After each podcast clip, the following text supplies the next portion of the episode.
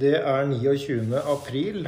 Eh, Jeg sitter på Gjøvik sammen med Arne Johannessen, og vi skal snakke om ledelse.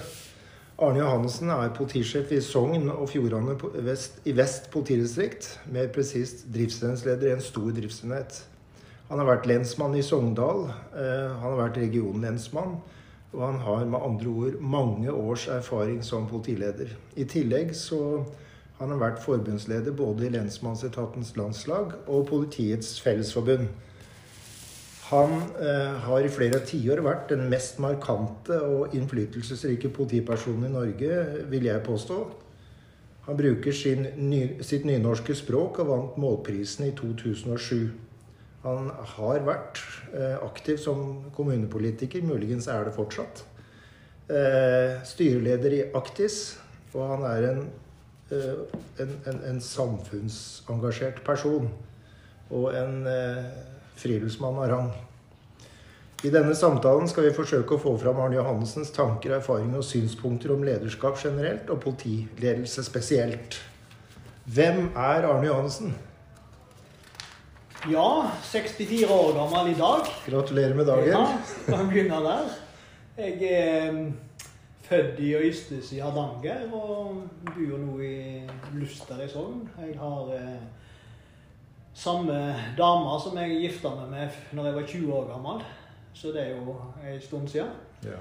Eh, og vi har tre barn i dag, og sju barnebarn. ja. Og det er fantastisk. Det er liksom eh, I dag så er jo dette det viktigste for meg. Det er Mm. familien. Ja. Eh, Folk som kjenner meg, vil stille spørsmålstegn når jeg sier det. Så jeg har vært pendler til Oslo i 23 år. Mm. Så var det jo ikke akkurat familiemann en forbandt med meg. Nei. Men eh, også jeg, eh, som du introduserer er veldig engasjert i samfunn. Alt som skjer rundt meg. Mm. Idrett, politikk. Veldig interessert i politikk. Mm. Eh, Jeg kjente en person for noen år siden som gikk sammen med deg på befalsskolen. Og han fortalte om en mann som var veldig målbevisst, og som var veldig dyktig. Eh, Fortell litt om utdanning og, og karriere. Ja, jeg pleier å si at jeg er vel kanskje den politileieren i Norge. Kanskje en av de som har kommet lengst med minst utdanning. Jeg har jo ikke engang videregående skole. Nei. Nei, men jeg har gått eh, livets eh, skole. Mm. Livets universitet, kanskje? Ja, ja, kanskje det. Jeg har lært utrolig mye via jobber. Ja. Nei, altså etter eh, jeg var ferdig på det som var da niende klasse i Øystese, så begynte jeg rett i arbeidslivet. Ja. Jeg jobba i tungindustrien. ja. Jeg jobba på møbelfabrikk. Og så begynte jeg på befalsskolen for militærpolitiet i Vatnlære. Tok meg to år som befal i Nord-Norge. ja. Eh, Sersjant og, fen, og fenrik. Og så ble det politiet. Mm. Var veldig i tvil en periode eh, hva jeg skulle, men eh, politiet ble da Aspirant, som det het den gang, på Mm. Gran lensmannskontor, Oh, ja. som lå på Brandbu. Ja, det er ikke langt herfra, det. Det er ikke langt derfra. Så eh, har det jo vært politiet, da, men jeg var jo ikke veldig mange år i politiet før det var fagforening som tok meg. Jeg tror jeg hadde jobba i ti måneder på Lusta lensmannskontor etter politiskolen. Så var jeg fylkesleder i Lensmannsetatens landslag. og Balla på seg. Ja. Og ble eh, i eh, 1990 eh, valgt som forbundsleder første gang i Lensmannsstatens landslag. Mm. Norges yngste. 32 år gammel forbundsleder. ja. Så ble det PF. Så har det bare gått i slag i slag. Mm. Eh, Utrolig mye eh, morsomt. Mm. Men eh, nokså lite utdanning. Men jeg har jo Forsvarets høgskole, sjefskurset der. Mm. Det var fantastisk. Mm. Eh, og så har jeg lært skikkelig mye via de jobbene jeg har hatt. Mm. Kanskje noe av det jeg har lært mest lederskap på, Mm. er jo som forhandlingsleder for eh, Unostat. Ja. Og knyte sammen 12-13 organisasjoner, Mm. holde det samla, er krevende. Mm. Så må jeg bare trekke fram befalsskolen. Utrolig mye lærerikt. Ja. Ja. Hvem var eh, Arne Johansen som gutt og ungdom? Hva? En villstyring. Ja, som mange andre politifolk. Ja. Det er jo gjerne de som heter politi. Jeg pleier å si at det er hårfin balanse ofte hva side du havner på. Eh, og jeg havna på rett side til slutt. Men jeg var en villstyring. Jeg var ingen drømmeelev for lærerne. masse energi. Mm. Men òg et eh, vanvittig sterkt engasjement. Mm. Så jeg var jo eh, som 14-åring gikk jeg med bøtten eh, nei til EU, Mm. eller nei til EF, som det heter den gang. Mm. 16-åring så leide jeg studiering med vårt politiske system i Norge Såpass, ja. som 16-åring. Mm. Og alle plasser jeg har vært i, uansett skole, så har jeg vært tillitsvalgt. ja. Hele veien. Mm. Da toppa seg på politiskolen med tøffe tak med rektor der. ja. Men, eh, men eh, jeg var en utfordrende ungdom. Mm. Utfordrende elev. Og jeg har vel alltid vært eh, sånn som utfordrer og stiller spørsmålstegn ved det bestående. Mm. Du er, som du sa, politisk interessert, og du har vært politiker lokalt. Har du fortsatt et politisk engasjement? Engasjement, men ikke politisk, partipolitiske verv. Nei. Det har jeg slutta med. Er litt lei partipolitikk. Mm. Jeg synes eh, jeg er veldig engasjert i samfunn og politikk. Men jeg syns eh, en del av de partipolitiske debattene er så snevre i Norge. Det er fordummende. Vi har så lite å være uenige om i Norge. at Det Mm. er ofte småsaker eh, som skaper uenighet. Og jeg syns det er for mye sånn partipolitisk markering. Ja. Det gikk jeg lei av. Litt tilbake til Arne Johansens barndom, eller din barndom. da. Eh, var det noe i eh, si, familien din, foreldrene dine, som gjorde at du orienterte deg i retning av militærpolitiet og senere i politiet? Nei, ingenting. Nei. Jeg hadde en slektning eh, Eller ja, jeg hadde en eh, slektning, og så hadde jeg en som var gift inn i familien, Så begge to var politi. Eh, de eh, motiverte nok litt på det. Så jeg hadde liksom to politi der som jeg kjente, og så hadde vi en veldig fin eh, lensmannsbetjent, som det het den gang, i eh, bygda, som heter Samson Haaland. Som var en sånn fantastisk flott eh, politimann. Eh, han tok meg bl.a. for ulovlig motorsykkelkjøring da jeg var 15 år. Ja. Og måten han behandla meg på, det har jeg alltid hatt med meg. ja. Alltid hatt med meg. Eh, og eh, jeg tenkte at en sånn politimann har jeg lyst til å møte. Spennende. Og hvis en ser på, på deg i dag, så er du et uh, frilufts- og idrettsmenneske av rang. Eh, hadde du den interessen og, og det som hobby som eh, ungdom også? Hele livet. Mm. Jeg har trent aktivt, systematisk siden jeg var 10 år gammel. Ja. Når jeg var 14 år, så var målet å bli verdensmester i langrenn. Det ble jeg ikke. Men jeg ble mye annet artig. ja. Men alltid trent. Eh, Alltid vært eh, friluftsinteressert. Mm. Og eh, mitt liv uten trening har jeg vanskelig å se for meg, rett og slett. Mm. Jeg pleier å, å, å ta fram en stereotypi, og det er at politifolk ikke leser bøker. Eh, passer den på deg? Nei. Jeg leser mye bøker. Ja. Det har jeg alltid gjort. Mm. Nå leser jeg mest krim, Ja. Men jeg har alltid lest mye bøker. Jeg nevnte jo 16-åring, politikk. Ja. Begynte å lese tidlig politikk. Mye biografier. Ja. Jeg hadde en bestefar som var blodfan av Einar Gerhardsen. Ja. Så jeg eh, fikk jo bøker av han. Mm. Det var jo Einar Gerhardsen. Ja. Det var Trygve Lie. Det var Trygve Bratteli. Mm. krigsåra til Mm. Trygve Bratteli, Mm. som eh, gjorde et enormt inntrykk på meg. Mm. Den har jeg også lest. Ja, og det er sterkt å lese. Um, så jeg har lest mye biografier, mye politikk. Um, og så leste jeg jo selvsagt Einar Gerhardsen sin eh, 'Tillitsmann'. ja. Og den eh, var òg vanvittig lærerik. Mm. Jeg har lest mye bøker, og jeg leser fortsatt mye. Hva vil du si har forma deg som menneske? Og det er mange ting. Bestefaren min har forma meg veldig sterkt. Um, han var et stort forbilde for meg. Mm. Um, men eh, mange rundt meg har forma meg. Jeg har blitt forma av eh, mye dårlige ledere jeg har møtt opp gjennom året. Som jeg har tenkt at eh, sånn skal ikke jeg være. Mm. Sitter mye rart. Mm. Ikke minst som tillitsvalgt. Helt utrolig. Jeg kunne skrive fire bind Mm. om eh, episoder som i dag ikke hadde tålt dagens lys. Mm. Og heller ikke gjorde det den gang. Helt ifra året, mine på, eller året mitt på politiskolen. Tillitsvervet der. eh, Og en rektor som eh, eh, gjorde hevn mot meg som tillitsvalgt. Mm. Veldig spesiell opplevelse. Og det forma meg mye. Men Mm. òg eh, eh, tror jeg at det var familiefar noe Ja. tidlig. Ja. Og så tror jeg kanskje alle de flotte møtene med utrolig mye dyktige folk. Altså i de rollene jeg har hatt. Jeg er jo kjempeprivilegert, sant? Mm. For jeg har jo møtt toppfolk i alle retninger. I fagbevegelse, politikk, Mm. media, samfunn. Mm. I alle retninger. Har lært masse. Jeg Mm. har alltid prøvd å observere, syke til meg Mm. det som er bra. Og så har jeg òg observert mye dårlig. Mm. Ja, dette former meg. Du har tatt et eh, aktivt valg. Du er eh, avholdsmann. Ja. Du skal holde et foredrag eh, her på Gjøvik i morgen i Aktis. Det skal jeg. Jeg er styreleder i Aktis, og det er jo en paraplyorganisasjon for 34 organisasjoner som jobber med ruspolitikk. Men det er ikke bare fråhalsfolk, som jeg sier da. Eh, Det er jo òg tidligere rusmisbrukere. Mm. Eh, Det er forebyggingsorganisasjoner, men det er frivillig sektor som favner hele rusfeltet. Nettopp. Det er utrolig givende arbeid. Mm. Men jeg har vært eh, aktiv fraholdsmann siden jeg var 25 år. Ja.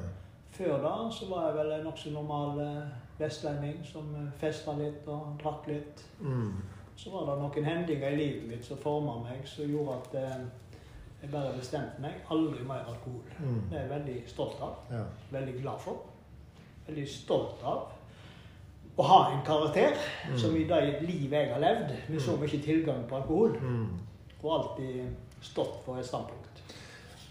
Stikkord karakter, det har, har vi ikke snakka om på forhånd, og det er ikke planlagt heller, men det begynner å komme fram som et element i eh, diskusjon om og forskning om ledelse. Eh, karakter. Og jeg, jeg syns at det er veldig interessant å trekke inn mot eh, i det vi skal snakke om videre, altså politiledere og politiledelse.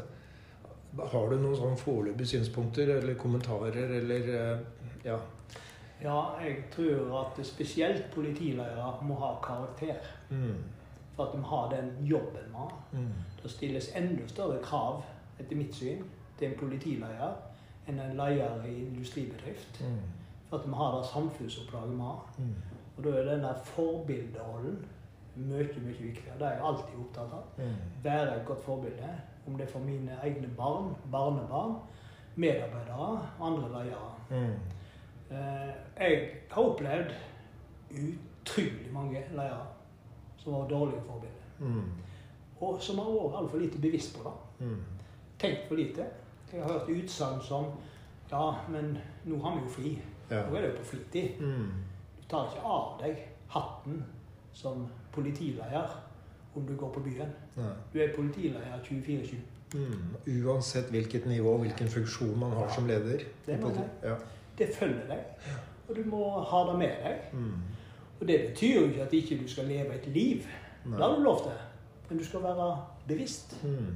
Dine valg og handlinger. Og det handler òg om karakter.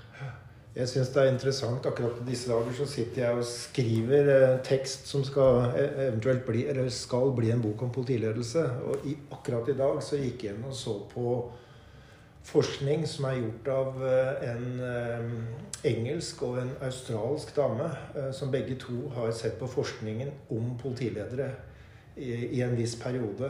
Det, det, deres rapport, eller forskningsartikkel, kom ut i 2014. Og de ser på hva er det som karakteriserer det som Altså egenskaper ved gode og effektive politiledere. Rollemodell, ærlighet, eh, forbilde eh, Altså det er en del av de tingene Du, jeg ser til et intervju. Jeg, Vi får snakke senere, Marit. Ja. Hei, hei, hei. Sånn er hverdagen. Siste ja. Ja. Dette var noe siste vi Ja, det Det er er mye det. telefoner. Det er klart det er det i dag når du har fødselsdag og det kommer gratulasjoner.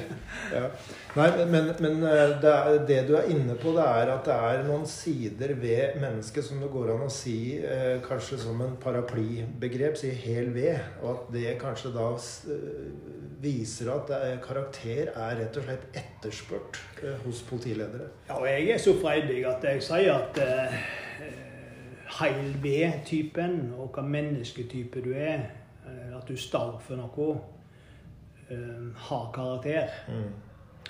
det er ikke noe du kanskje klarer å lære på et studie. Nei, helt enig. Eh, og derfor er det studiet bra, utdanning er bra, Mm. men du må ha noe grunnleggende med deg Mm. for å vite en god leder. Mm. Og så tenker jeg, I forhold til det du sier, så tror jeg også at det er veldig viktig å være reflektert og være bevisst på uh, både den man er, og den man ønsker å være, og hvordan man opptrer. Ok, du er eh, drivstedsleder, sa jeg innledningsvis. Vi må snakke litt om eh, på å si, den arbeidsmessige konteksten din. Hva, hva, hva betyr driftsenhet? Hva er det for de som ikke jobber i politiet? Nei, Det enkle begrepet som media bruker, som jeg syns er mye bedre. Politisjef i Sogn og Fjordane. Ja. Så enkelt. Jeg har totalansvar for hele Sogn og Fjordane. Det er jo egentlig som den gamle politimesteren i Sogn og Fjordane. Den eneste forskjellen er at nå har jeg en politimester over meg. ja. Som har da, um, så jeg har jo ikke ansvar for um, påtale og uh, operasjonssentral og sånne ting som før, men jeg har totalansvar for uh, hele Sogn og Fjordane. Og det er ja, 14-15 kommuner. Mm. Um, Jeg har jo uh, ledere under meg og masse flinke folk, uh, så en artig jobb. Mm. Hva, hva slags verdier vil du si preger, eller hvilken kultur preger eh, politiområdet ditt, eller sånne Sogn og Fjordane? Ja, du, Det kunne jeg snakket mye om, men det er så kjekt å se at eh, det som jeg setter veldig pris på, det er engasjement. Mm. Eh, Det er heilskapsforståing. De Mm. forstår at de skal jobbe heilskapelig, ikke bare innen sitt eh, snevre område. Og så eh, har vi, etter mitt syn, en kultur som er basert på respekt. Eh, Jeg, noe av det jeg er mest fornøyd med, er at vi har veldig lite klage Mm. i, for publikum og Mm. andre. De behandler folk på en ordentlig måte. Mm. Og det er altså for meg en så grunnleggende verdi. Jeg har alltid hatt med meg ett ord, det er respekt. Mm. Det syns jeg preger kulturen. Eh, Hva, hva mener du at eh, ditt eh, din driftsenhet da, som politisjef i det området her, hva, hva, hva skal dere bidra med til lokalsamfunnet? Det er jo masse lokalsamfunn, men det er jo et gammelt fylke. Ja. Men, men det, du har helt sikkert en overordnet mening med hva samfunnsbidraget dere, dere har, hva det er. Ja, det er jo først og fremst eh, det overordnede er jo å skape trygghet. Mm. Eh, Skape tillit mellom eh, publikum, lokalsamfunn og politi. Tillit er helt avgjørende. At samfunnet har tillit til oss. Og vi, vi skårer jo høyt. Hele politiet det er jo helt fantastisk. Mm. vi skårer. Og så skal vi selvsagt eh, mer og mer eh, leve opp til eh, den overordnede føringen om at det, det forebyggende arbeidet er det aller viktigste vi driver med.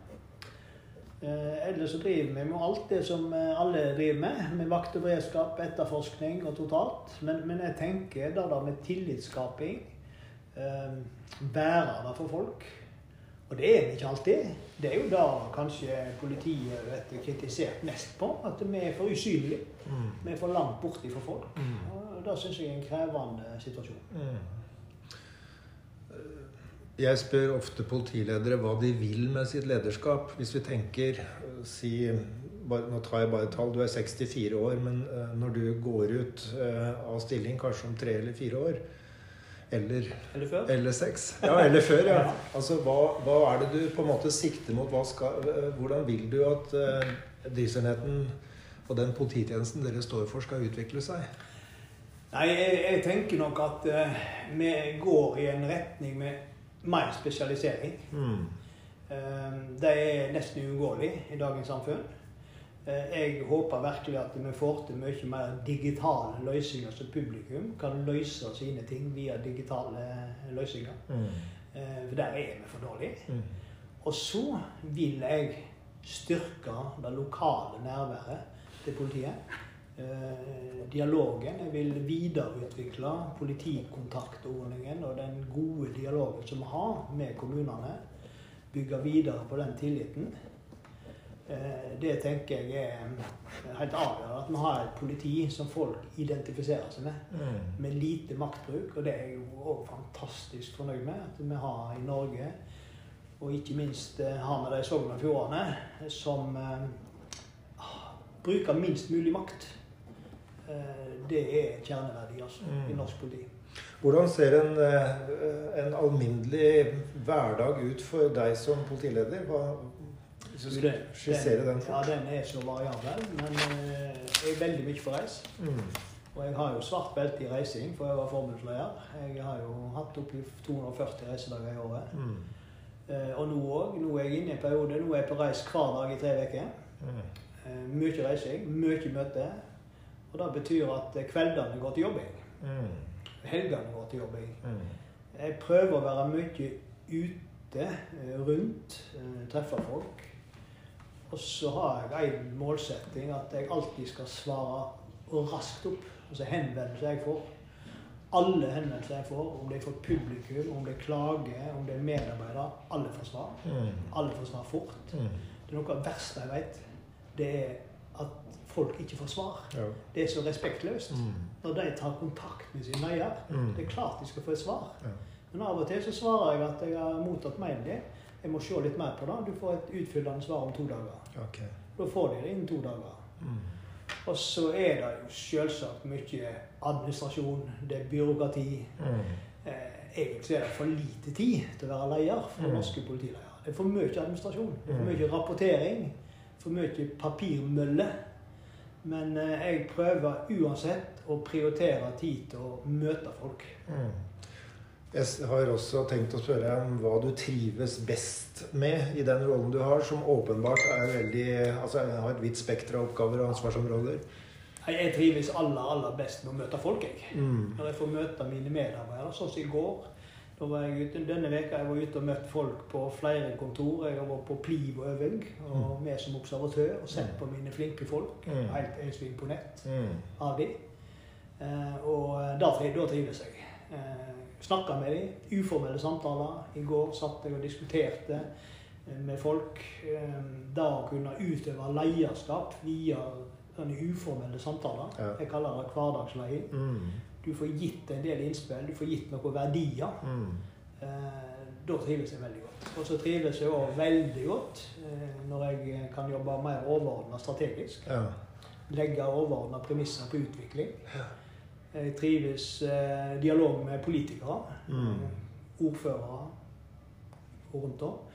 Og så trives jeg jo, driver, trives jeg jo godt i leiermøter og den type ting. For da får jeg jo på en måte utfolda meg på det jeg har jobba mye med før. eh, Debatter, og utfordre litt og drøfte og prøve å skape en retning. Da trives jeg godt. Oppfølging her vil jo være å spørre deg om hva er de viktigste samarbeidspartnerne dine, både internt i politiet, men også mot samfunnet. Du har vært inne på politikere, men hva, hva er de viktigste samarbeidspartnerne dine? Nei, altså Mine viktigste er selvsagt lederen for meg i Sogn og andre fagledere.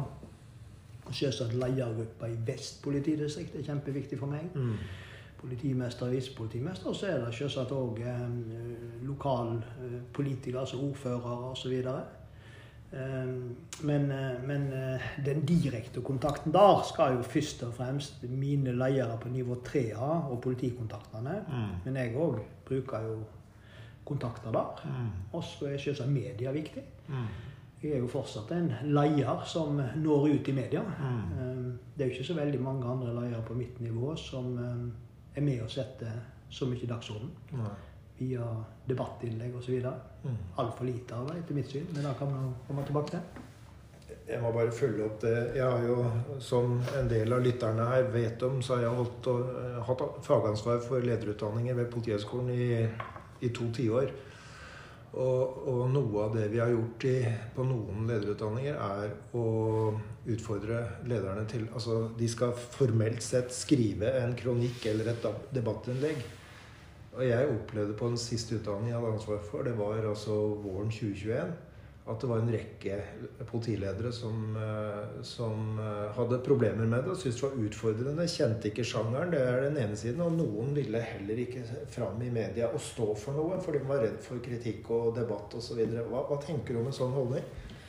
Jeg syns det er veldig synd, for at eh, vi har så mye erfaring, kunnskap, og så har vi så et viktig samfunnsoppdrag. Mm. Så vi skulle være mye større premissleverandører Mm. inn i den store debatten. Men òg i den lokale debatten i Mm. kommunene. Det kan være i et forebyggende perspektiv, det kan være inn mot barnevern, det kan være lokal ruspolitikk. Mm. Og det kan selvsagt være helt konkrete um, saker der du går ut og fronter ting i media.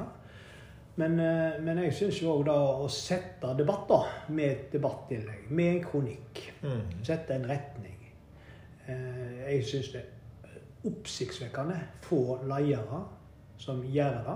Mm. Sånn har det vært i mange, mange år. Mm. Det er ikke noe som har kommet over natta. Nei, jeg vet det, for du har jo vært en fast bidragsyter på en rekke av de lederutdanningene jeg har hatt, og jeg kjenner igjen det utsagnet ditt fra, fra det.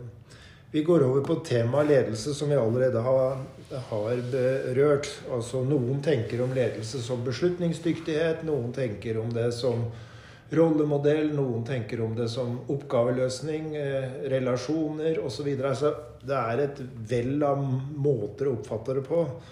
Um, Julian Berkinshaw, som er en engelsk professor, han eh, sier at eh, ja, er ledelse noe som finnes, så er det noe som virker. I hvert fall så er det veldig vanskelig, sier han. Hva, hva tenker du om et sånt utsagn? Nei, jeg, tenker at det ofte så eh, lager vi det for vanskelig. Mm. Jeg, jeg syns mange eh, godt utdanna ledere eh, lager det for vanskelig. Ja. Etter mitt syn så handler det litt om å forenkle. Mm. For at eh, ofte så snakker ledere over hodet på de de leier. Mm. Eh, og, og det er krevende. Mm. De snakker gjerne et språk eh, som ikke alle henger med. Eh, jeg har veldig sans for leiere som klarer å forenkle, sånn at de du leier, kjenner seg igjen. Mm. Du kan snakke et språk som de identifiserer deg med. Da får du større respekt. De får større tillit til deg. Og da er det lettere å være leier. Og så tenker jeg at for meg handler det egentlig om å være en ålreit fyr. Ja. Eller ålreit dame. Eh, som folk kan like å bli lei av. For da gjør du det så utrolig mye lettere for deg sjøl. Da kan du òg ta de vanskelige avgjørelsene. Da kan du ta de upopulære avgjørelsene. Men hvis du er en drittsekk, som eh, jeg må bare si rett ut, jeg har møtt mange av, Mm. eh, så er det vanskelig. Eh, Da har du minus på kontoen når Mm. du skal til med de vanskelige sakene. Mm. Si, eh, har du formulert for deg sjøl, eller kan du formulere en form for ledelsesfilosofi som er, er ditt eh, Altså Ja, det du styrer ut fra? jeg har iallfall et mantra. Ja. Og jeg sa senest i går til en at det er aldri feil å være blid og hyggelig Mm. med folk. Eh, Så da å først og fremst vise respekt, Mm. det er eh, helt grunnleggende. Og respekt handler om å respektere andre sine meninger. Det betyr ikke at vi skal være enige, Mm. men det betyr òg respekt for at vi kan være uenige. Mm. Eh, og, og det tenker jeg er helt grunnleggende hvis du skal få til et lederskap. Det er at folk må oppleve at det går an å være uenig med deg eller meg. Mm. Eh, ellers er det veldig vanskelig å få til ærlighet. Mm. Jeg har jo lest eh, boka til eh, Arne Selvik med stor interesse. Mm. 'Alle omgitt av løgnere'. Ja, ikke sant. Altså, det, det er en utfordring Mm. for mange ledere. At ikke de får de ubehagelige innspillene. Mm. Men, eh, men da er det respekt. Det er liksom, Hvis jeg skal tenke på ett ord som jeg alltid har hatt med meg og det er, Da er jeg tilbake igjen til Politiskolen. Eh, Der jeg opplevde en så viktig utdanning. Der jeg ble møtt med grunnleggende manglende respekt Mm. som tillitsvalgt for mine medelever. Mm. Jeg har hatt alltid med meg det ordet. Ja. Mm. Det er eh, Altså, vi lever i en verden nå som er ganske ustabil, og som preges av uh, krig uh, i uh, Ukraina. Jeg tenker at omgitt av løgnere, det passer veldig godt på Putin, Ja. f.eks. Men, men, eh, men Selvik viser jo at det er en tendens i nesten alle ledergrupper at man forsøker å tilpasse og være et slags filter mot sannhet og virkelighet eh, for topplederen. Eh, Er det noe du har sett i politiet i den, din tid? Absolutt. Og sitte på ulike nivå. For at det er jo det er jo mer krevende å stille det kritiske spørsmålet. Være djevelens advokat. Mm. Det er mer krevende da enn å være den som alltid jatter med. Mm. Det er jo en grunn nå til at mange ledere ikke vil, tør, har mot til å skrive en kronikk. Ja. Det er jo for at da vet du konfrontert med det du har skrevet. Det som står på trykk, det er sterkt. Mm. Du blir konfrontert. Du blir garantert for kritikk. Ja. Du vil få um, Du må forsvare det. Ja. Og Sånn er det òg hvis du utfordrer, står for noe. Innad i ledergruppa, opp mot eh, nivået over deg. Så det er klart eh, det er krevende. og Dette har vi jo sett mange dømme på. da. Men når det er sagt, det er òg utrolig Vi må ikke framstille at ikke folk tør å si for jeg opplever jo en sterk en forbedring. Mm. Altså, da må Jeg si, jeg syns jo dette utvikler seg positivt. Mm. Det er min klare oppfatning. Det er mer takhøyde nå enn det var for en del år siden. Mm. Hvordan ser godt og effektiv eh, ledelse i politiet ut for deg? Nei, så Vi må selvsagt ha fokus på resultat. Mm. Vi må nå noen grunnleggende mål. Eh, Men jeg tenker at eh, et godt og velfungerende lederskap det skaper gode resultat. Men det gjør det via medarbeidere, ledere, som ønsker å yte. Og gjøre det med glød og entusiasme. Som skjønner samfunnsoppdraget sitt. Og viser respekt opp og ned og i alle retninger. Eh, Og et lederskap som eh, verdsetter både kritikk og motstand og, debatt. Da tror jeg du får bedre resultater. Det er jo ikke uten grunn at eh, mye både forskning og alt viser at HMS er ikke bare et begrep, men det er med å gi gode resultat.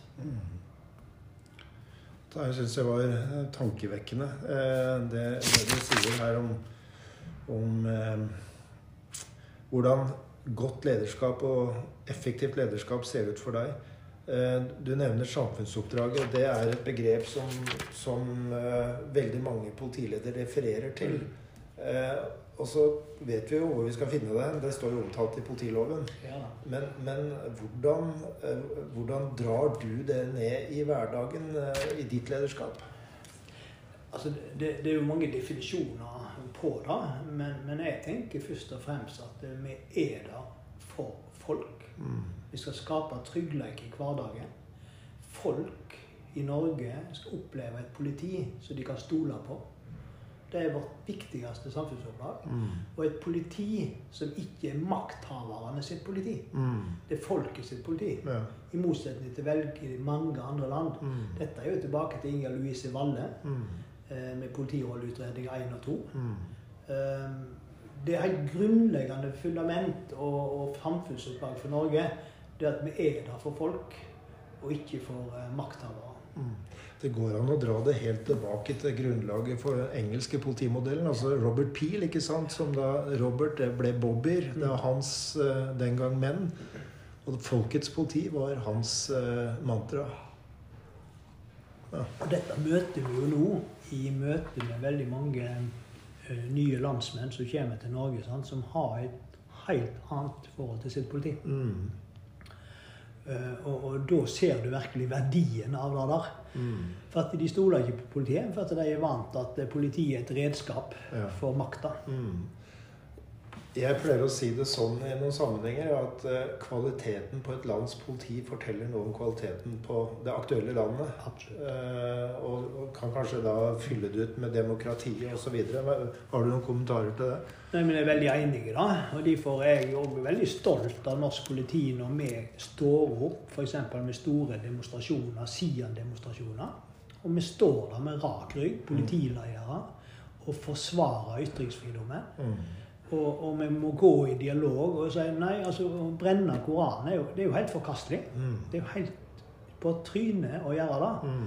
Men allikevel så er det lov i Norge. Mm. Det er lov å ytre seg, selv om det er helt forkastelig. Ja. Og da forsvarer politiet. Mm. Det er òg litt, og dette står vi opp for, disse Ja. kjerneverdiene om ytringsfridom. Mm. Eh, Jeg har sittet i et møte med imamer i Sogn og Fjordane. Og jeg, jeg har aldri vært i et møte med høyere temperatur enn eh, Jeg hadde vel 20 stykker i det møtet med meg, eh, som fra ulike retninger der. Eh, som, som, altså, de ville bare ikke forstå Nei. at det var vårt ansvar Mm. å forsvare sånne ting. Nei. Nei, de ville ikke forstå det. altså. Nei. De sitter jo i sitt kulturelle klister, da, på en ja, måte. Ja.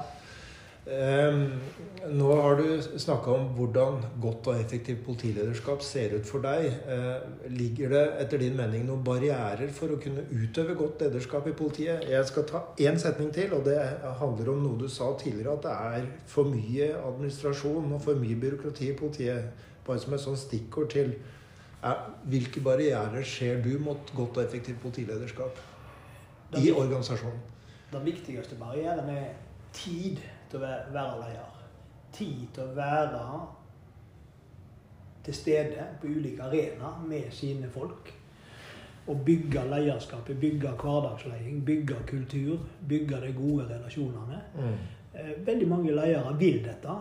Jeg opplever at de har store ambisjoner. De snakker om det. Mm. Men altså hverdagen, sitt byråkrati og rapportering og, og administrasjon, det tar de. Mm. Eh, og, det syns jeg er veldig synd. Og nå eh, diskuterer en liksom framtidas HR, og du diskuterer mange ting. Eh, min erfaring er at hver gang når du prøver å reformere det er politireform og hva det er, så kommer du ut i andre enden med enda mindre tid til å være leder. Mm. Og særlig er jeg bekymra for nivå tre og fire. Mm Eh, Politimesteren er jeg ikke veldig bekymra for. Eh, Heller ikke på mitt nivå. Vi, vi klarer oss stort sett. Eh, jeg, det er min erfaring. Mm. Kan ha ulike meninger om det. Men jeg er oppriktig bekymra for nivå tre og fire, som har så mye sånne gjæreting. Så de Mm. må bare fikse og ordne hele tida. Mm. Så å være en leder som eh, klarer å løfte blikket og se framover, det er veldig vanskelig. altså. Går det an å, å, å tenke seg at uh, en sånn diskusjon om Du har tidligere brukt eh, begrepet politilederrollen. Uh, og så tenker jeg at det er mange roller, men hadde det latt seg gjøre å initiere og få til en diskusjon som kanskje hadde medført at man hadde fått til en endring på sikt? Ja, jeg tror bl.a. vi må ta et oppgjør med at vi nå reduserer tallet på sivile stillinger i norsk politi. Mm. Altså Det går òg utover adm-støtte til ledere. Mm. Jeg har ingen adm-støtte eh, på mitt nivå. Ja. Jeg må gjøre alt sjøl. Jeg kan få hjelp selvsagt av HR, og derfor har jeg superhjelp. Og vi får litt fra virksomhetsstyring og sånn. Men altså, da ha ledere som kan på en måte få klar støtte for å gjøre en del sånne Mm. papirting, da. Ja. Eh, håndtere det Mm. for å skape mer tid til å være ledere. Det da er vi nødt til å ta et oppgjør med. Jeg syns dette har gått gal vei. Eh, det har vært en periode nå med kvitte oss med sivile stillinger. Etter mitt syn skulle vi hatt mye flere. ja.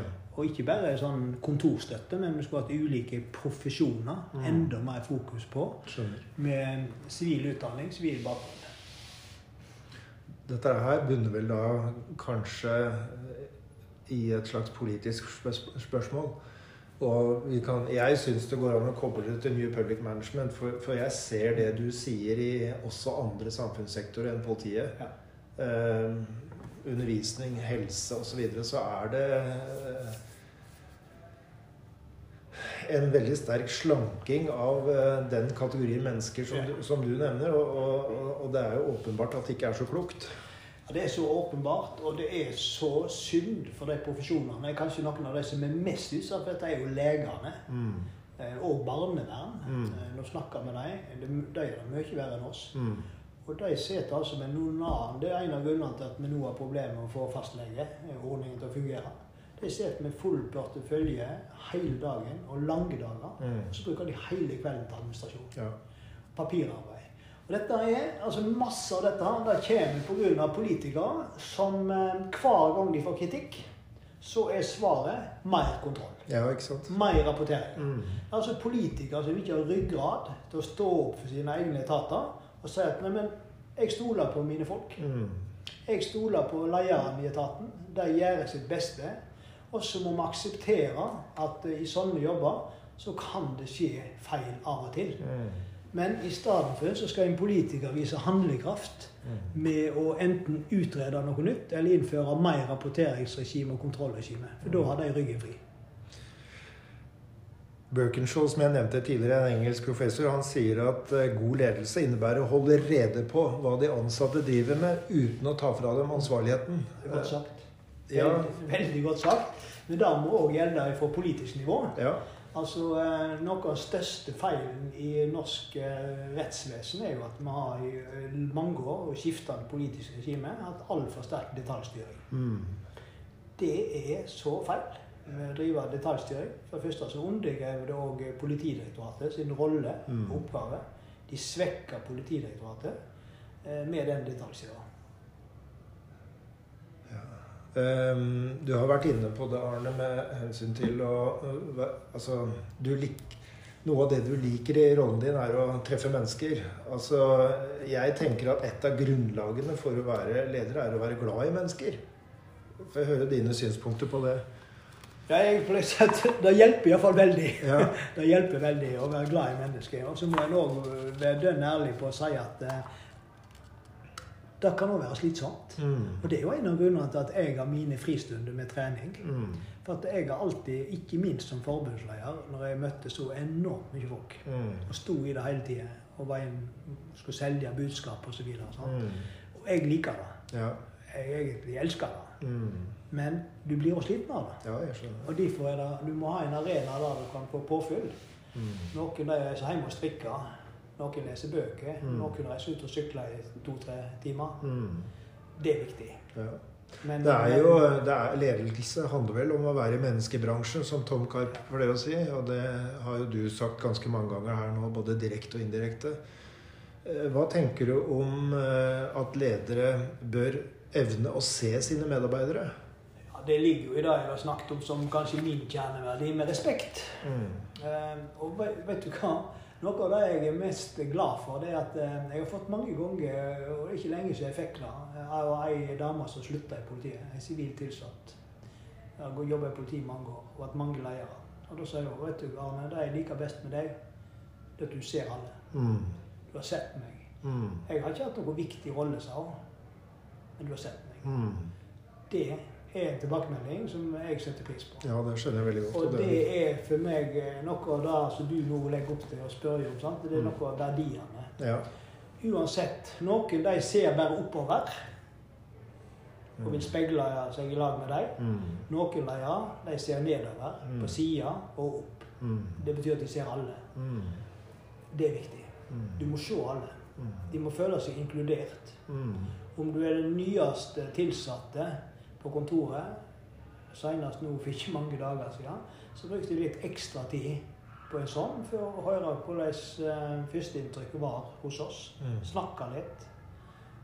Og merker at de setter pris på det. Mm. Sant? Det er veldig lett for at du bare snakker med de du er vant til å snakke med. Ja.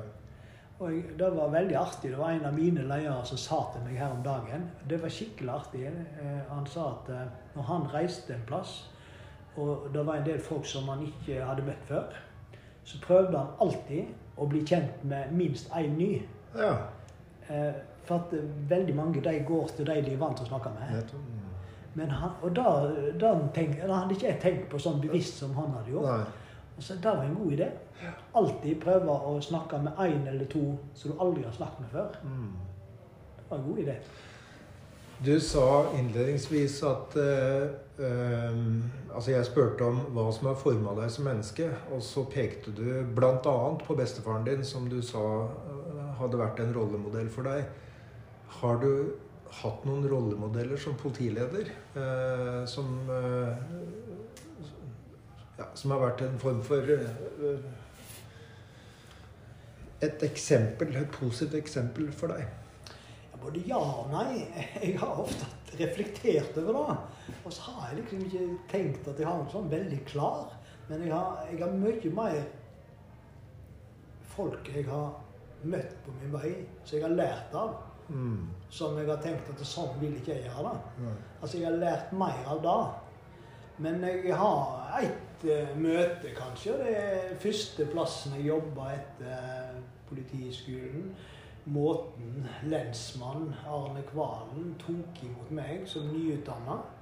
Eh, inkluderte meg, inviterte meg og min ektefelle hjem til seg veldig tidlig. Mm. Eh, veldig inkludert på kontoret. Fikk ansvar. Mm. Eh, det var veldig lærerikt. Mm. Og der plukka jeg opp mange ting. Mm. Men jeg har liksom ikke sånn eh, Men jeg har alltid likt ledere som står for noe. Mm. Og det er klart at eh, de har jeg jo møtt oppi nå, Mm. på ulike nivå. Mm. Eh, Både politimestre og, og på høyt leie over de òg. Jeg hadde òg en enorm respekt for Ingelin Killegren. Mm. Jeg sa vel i 60-årsdagen hennes at det er ingen kvinnfolk jeg har krangla mer med enn deg, sa jeg til henne. Men det er òg få jeg respekterer mer enn deg. Eh, mange ting vi var knakende uenige om, men vi hadde en gjensidig respekt. Ja. Og jeg, eh, jeg lærte mye av henne. Mm. Utrolig intelligent og dyktig dame. Mm. Eh, og menneskekunnskap og etatskunnskap og strategiforståing som Mm. få, og kanskje ingen, har hatt etter henne i norsk politi. Det må jeg si. Ja, det er en sterk eh, uttalelse. Jeg har et grunnsyn, eh, eller en oppfatning, av at det er mange dyktige ledere i norsk politi, og at det utøves mye godt lederskap. Det mener jeg.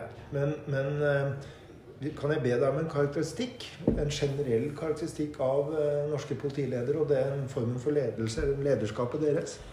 Først er jeg 110 enig i det du beskriver. Og jeg vil også si at det utvikler seg kjempepositivt Mm. det første året. Og da refererer jeg først og fremst det det er få som har fulgt etaten de siste 30 åra tettere enn meg. Mm. Kanskje ingen. Mm. eh, som er i dag i aktiv tjeneste. Og jeg har sett menneskebehandling, menneskesyn, rolleforståelse, lederskap har endra seg betydelig på de 30 åra. Mm. I riktig retning. Mm. Eh, masse flinke folk. Og det jeg tenker ofte på som kjennetegner alle disse flotte lederne i norsk politi, det er handlekraft. Mm. Det er rolleforståelse. Mange av de identifiserer seg med samfunnsoppdraget. Og har et engasjement langt utover ofte enn det du egentlig kan forvente av dem. Altså det er ikke noe eh, åtte til tre-jobb. Eh, de er der for sine folk. De stiller opp. Telefon og mail er på. altså det vil si at De er tett på, som en av kjerneverdiene til politiet. Og de er der for dem. Men eh, hvis jeg skal liksom ett ord, så tenker jeg nok at det er veldig mye handlekraft i Mm. norsk politilederskap.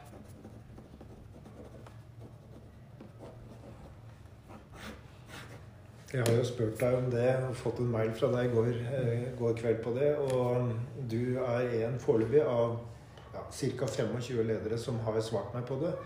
Og begrepet, eh, ordet handlekraft, det går mye igjen. Så det er nok både, eh, tenker jeg, en slags beskrivelse på eh, på det lederskap som utøves, men det er også, tenker jeg, en verdi og en slags målsetting som man prøver å strekke seg etter. Og det syns jeg er ganske naturlig. I, I disse dager, og for så vidt også litt tilbake, så kan det se ut som politijuristene ønsker å gå ut av politiet. Det er i hvert fall et signal jeg har tolka av lederen i, i Politijuristene, den fagforeningen deres. Hvilke lederroller mener du politijurister bør ha, og, og polititjenestemenn og -kvinner?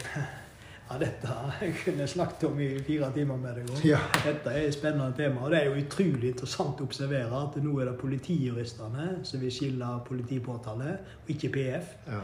Eh, tradisjonelt så var jo dette en kampsak for Norsk Politiforbund, og senere PF, som sto på barrikaden for skillet. Og så vil aldri Riksadvokaten ha det temaet, og da har jo forundret meg veldig at ikke de engang vil utgreie av temaet. Mm. Altså det temaet er viktig. Det er viktig i forhold til rettstryggheten i Norge. Kontrolløren sin rolle. Og så er det selvsagt også viktig i forhold til et effektivitetsprinsipp. Min vurdering er, og jeg har alltid vært Jeg er veldig sånn usikker på hva jeg mener er best. skal jeg være helt ærlig. Her har jeg aldri vært skråsikker, men jeg var sikker på én ting. Jeg vil ha en stor offentlig utgreiing om det temaet. ja. For det har vi aldri hatt i Norge. Eh, Der vi ser på alle disse perspektivene rundt hva er beste organisering, og jeg ser jo dømme på at um, kontrollantrollen til påtale i politiet kan bli for tett inntil den de skal kontrollere. Mm. Og, det er jo et perspektiv jeg nå ser politijuristene bl.a. tar opp. Jeg syns det er veldig spennende at de reiser debatten. Mm. Jeg er ikke skråsikker, som jeg sa, hva som er lurt. Men jeg tenker jo at vi vi trenger, uansett om vi skiller politi og påtale, så trenger vi jurister i norsk politi. Mm. Eh, og, og det har også jeg krangla mye med Kurt A. Lier om i en periode. For at han sa at du vil hive ut juristene fra politiet. Nei, tvert om seg. Mm. Kanskje vi trenger flere jurister. Mm. Men de trenger jo ikke være en del av påtale. Den kan være på sida. Ja. Med kontrollørrollen. Men vi trenger jo juridisk kompetanse og bistand. Mm. Og så er det hvem skal liksom leie. Det er jo en svær debatt, og jeg tenker at vi må ha en større takhøyde og respekt for at vi har ulik utdanning, vi har ulike profesjoner. Eh, for meg er det ikke sånn kjempekampsak lenger hvem som leier, men jeg vil ha det beste leieren. Mm. Det er det viktigste. Jeg mm. også sa en gang i et intervju i VG, så jeg fikk både kjeft og ros for. Jeg sa at eh, for å være politimester i Norge, så trenger du verken politiutdanning eller juss. Du kan være økonom. Eh, eller du kan være bare kjempegod lederutdanning. Mm. Og det skapte mye debatt. Mm. Jeg mener det fortsatt. Mm. Men når jeg sier det, så har jeg òg Det må jeg si. Jeg har sett at en del ledere som ikke har kunnskap om etaten, mm. skjønner rollen, samfunnsoppdraget, de får det vanskelig som ledere. Man kan ikke sitte etter aller mest i Sverige. Mm. Der med at politidirektør på toppen som måtte gå, som ikke kunne politiet. Mm. Med at mange politimestere i Sverige som har slitt. Mm. De kom helt utenfra. Mm.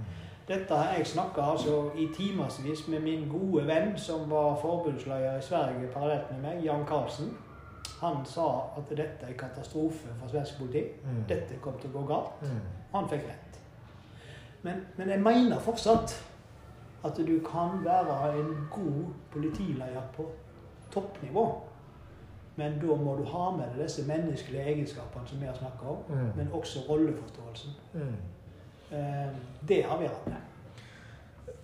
To oppfølgings, eller Ett oppfølgingsspørsmål med, med, to elementer i. Eh, hvis vi ser på topplederne nå, altså politimesterne og lederne av saueorganet i Norge, så eh, lurer jeg på om det er noen nå som ikke er jurister. Det, ja, Arne Jørgen Olafsen er vel Men han er ja. kanskje den eneste nå? Ja, vi gikk jo Politihøgskolen ja. sammen, så jeg burde jo huske på han.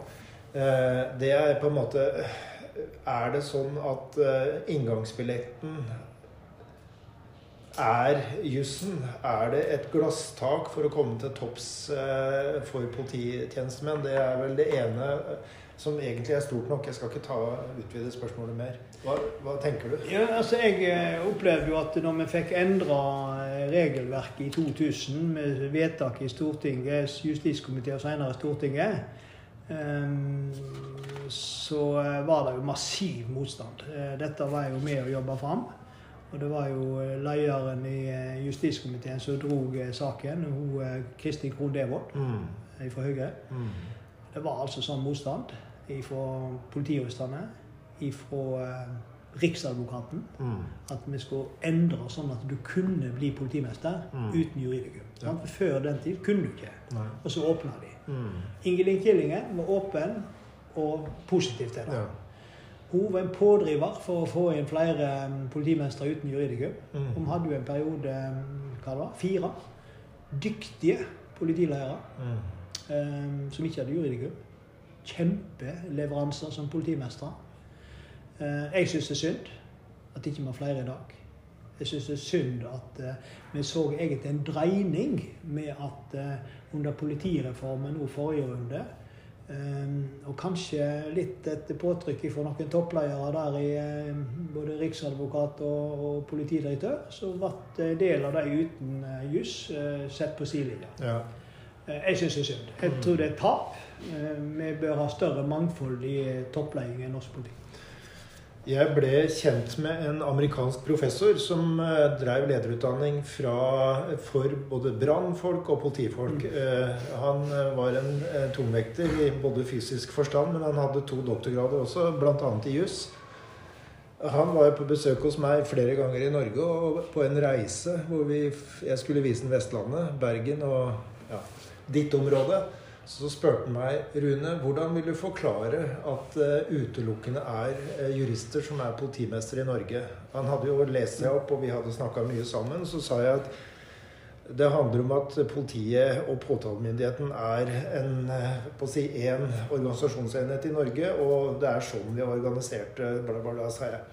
Og så sa han Hva vil du si til et ungt politimenneske som går politihøgskolen, eller Politihøgskolen, som i realiteten ikke har mulighet til å gå til topps i den organisasjonen. Hva vil du si til det? Det var et, altså et utsagn som satte meg litt sjakkmatt. Ja, jeg eh, vil jo si at eh, det er mulig. Loven endrer. Mm. Det er mulig. Ja. Du kan bli toppleder. Jeg tror det kommer til å skje igjen. Ja. Men vi har hatt en periode nå det har vært utelukkende jurister som har vært utnevnt. Um, men jeg tenker at vi må lete etter leiertalentene. Vi må mm. lete etter de beste lederne. Mm. Og, og juridikum er altså ingen leierutdanning. Fins det ikke. Eh, og, eh, men når det er sagt vi har masse flinke politimestere. Altså.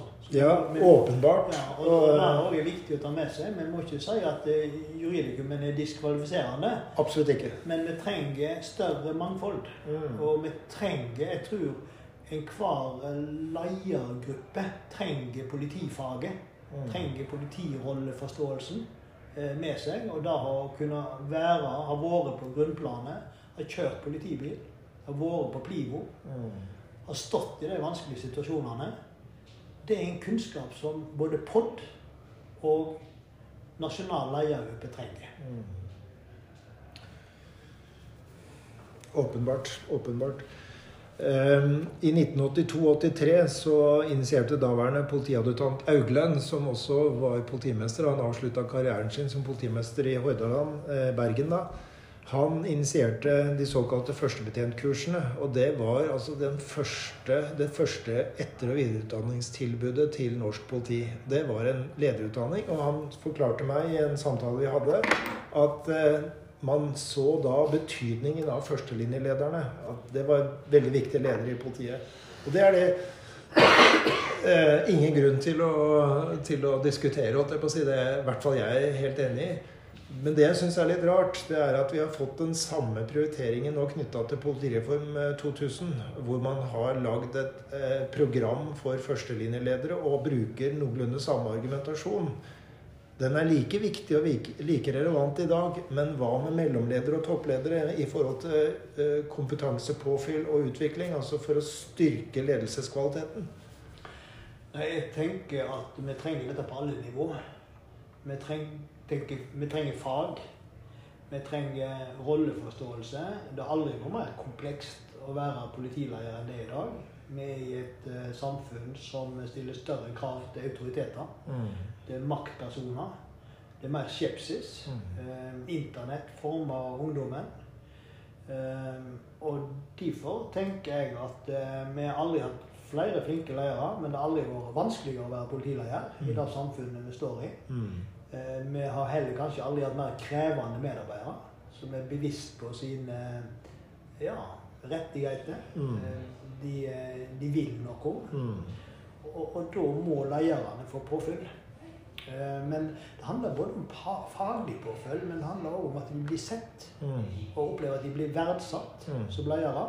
Og da er jo kurs, utdanning, en måte å verdsette dem på. Mm. Så alle som har vært på et studie eller lederutdanning, det de refererer til, er jo kanskje at det mest verdifulle det er jo samhandlingen. Mm. Treffe likesinnede diskutere. Mm. Og for meg er det på alle nivå så er dette viktig. Mm. Om du er innsatsleder, du er fagleder um, forebyggende arbeid, mm. eller du er nivå tre-leder med personalansvar, så trenger du både en arena og du trenger kompetanse. Mm. For et par år siden så intervjua jeg 16 norske toppledere pluss da svensk og dansk politidirektør. Og det var et par av de norske politimesterne som var veldig tydelige på at man kunne ha Altså det er krevende å være toppleder, og de sa det at det kunne uh, vært behov for å ha fått en eller annen form for eh, hva skal vi si, avbrudd hvor man fikk et påfyll og kunne diskutere. Mm. En av de, Det var flere faktisk som trakk fram Forsvarets eh, høyskole- og sjefskursene, som hadde vært veldig lærerikt og utviklende på mange måter. Eh, og eh, en annen sa det at det kunne vært interessant å f.eks. få tre til fire til fem måneders eh, fri til å eh, på å si, gå- i dybdene på et område. Mm. Altså få en, en form for eh, frikvarter som også gir påfyll. Hva tenker du om det? Jeg tror det er veldig godt sagt. Men jeg tror òg at enhver leder har et personlig ansvar for å skaffe seg sjøl noen frikvarter. Altså Det er en del av organiseringen av sitt eget lederskap. Mm. Da syns jeg mange må ta større ansvar. Mm. Eh, Det er jo ikke sånn at som leder så må du være der hele tida. Mm. Jeg har hatt eh, kanskje mine beste tankestunder eh, og løst størst eh, utfordringer når jeg har reist fra kontoret. Mm. Reist på en topptur på Mm. randonee-ski, Mm. eller sykla en fjelltopp. Og brukt det aktivt for å tenke. Og jeg, jeg tror flere leier, men det, ja, Du trenger ikke sykle eller gå på ski, men du Nei. kan gjøre andre ting. Men Ja. altså, det handler om å, å komme seg vekk Ja. og gjøre ting. Men eh, jeg tror òg at vi som ledere i større grad, enten det er på ledermøte eller hva det er, vi, vi har så stramme agenda ofte. Du har ikke tid til å bare sitte det ned og sitte og reflektere. Nei. Eh, Det har jeg etterlyst flere ganger, både i vår egen ledergruppe i vest. og nå hadde vi et ledermøte i min GD Sogn og Fjordane. Jeg tror det beste ledermøtet vi har hatt noen gang. Da hadde vi et todagersmøte med veldig god tid. Mm. Men da vi setter opp noen tema til refleksjon. Ja. Og der ikke målet er å vet at nødvendigvis enige om noe, men å sitte i lag Mm. som ledere. Og snakke i lag. Reflektere over eget lederskap, Mm. på godt og vondt. Reflektere over vanskelige personalsaker du har håndtert. Hverdagsleding. Mm. Det kan være den vanskelige samtalen Mm. som alle ledere står i. Ja. Da kan det være veldig trygt og godt å sitte noen ledere i lag og snakke om det. Mm. Det er òg litt av det samme. Sant? Å skape seg noen arenaer ja. Som det friminutt. Det du sier nå, ligner på en erfaring som Eller noe jeg hørte for noen år siden. Vi, lagde, vi hadde topplederprogram ved Politihøgskolen. Og det siste topplederprogrammet, da hadde jeg ansvar for å øh, få til en studietur til Holland, Nederland. Og et av elementene der, det var øh, å få møte noen deltakere fra Royal Dutch Shell, altså det store selskapet, oljeselskapet. Og da var det HR-direktøren pluss to andre fra toppledergruppa vi, eh, møtte. Og jeg husker veldig godt at de sa noe av det som eh, eh, samsvarer med det du sier.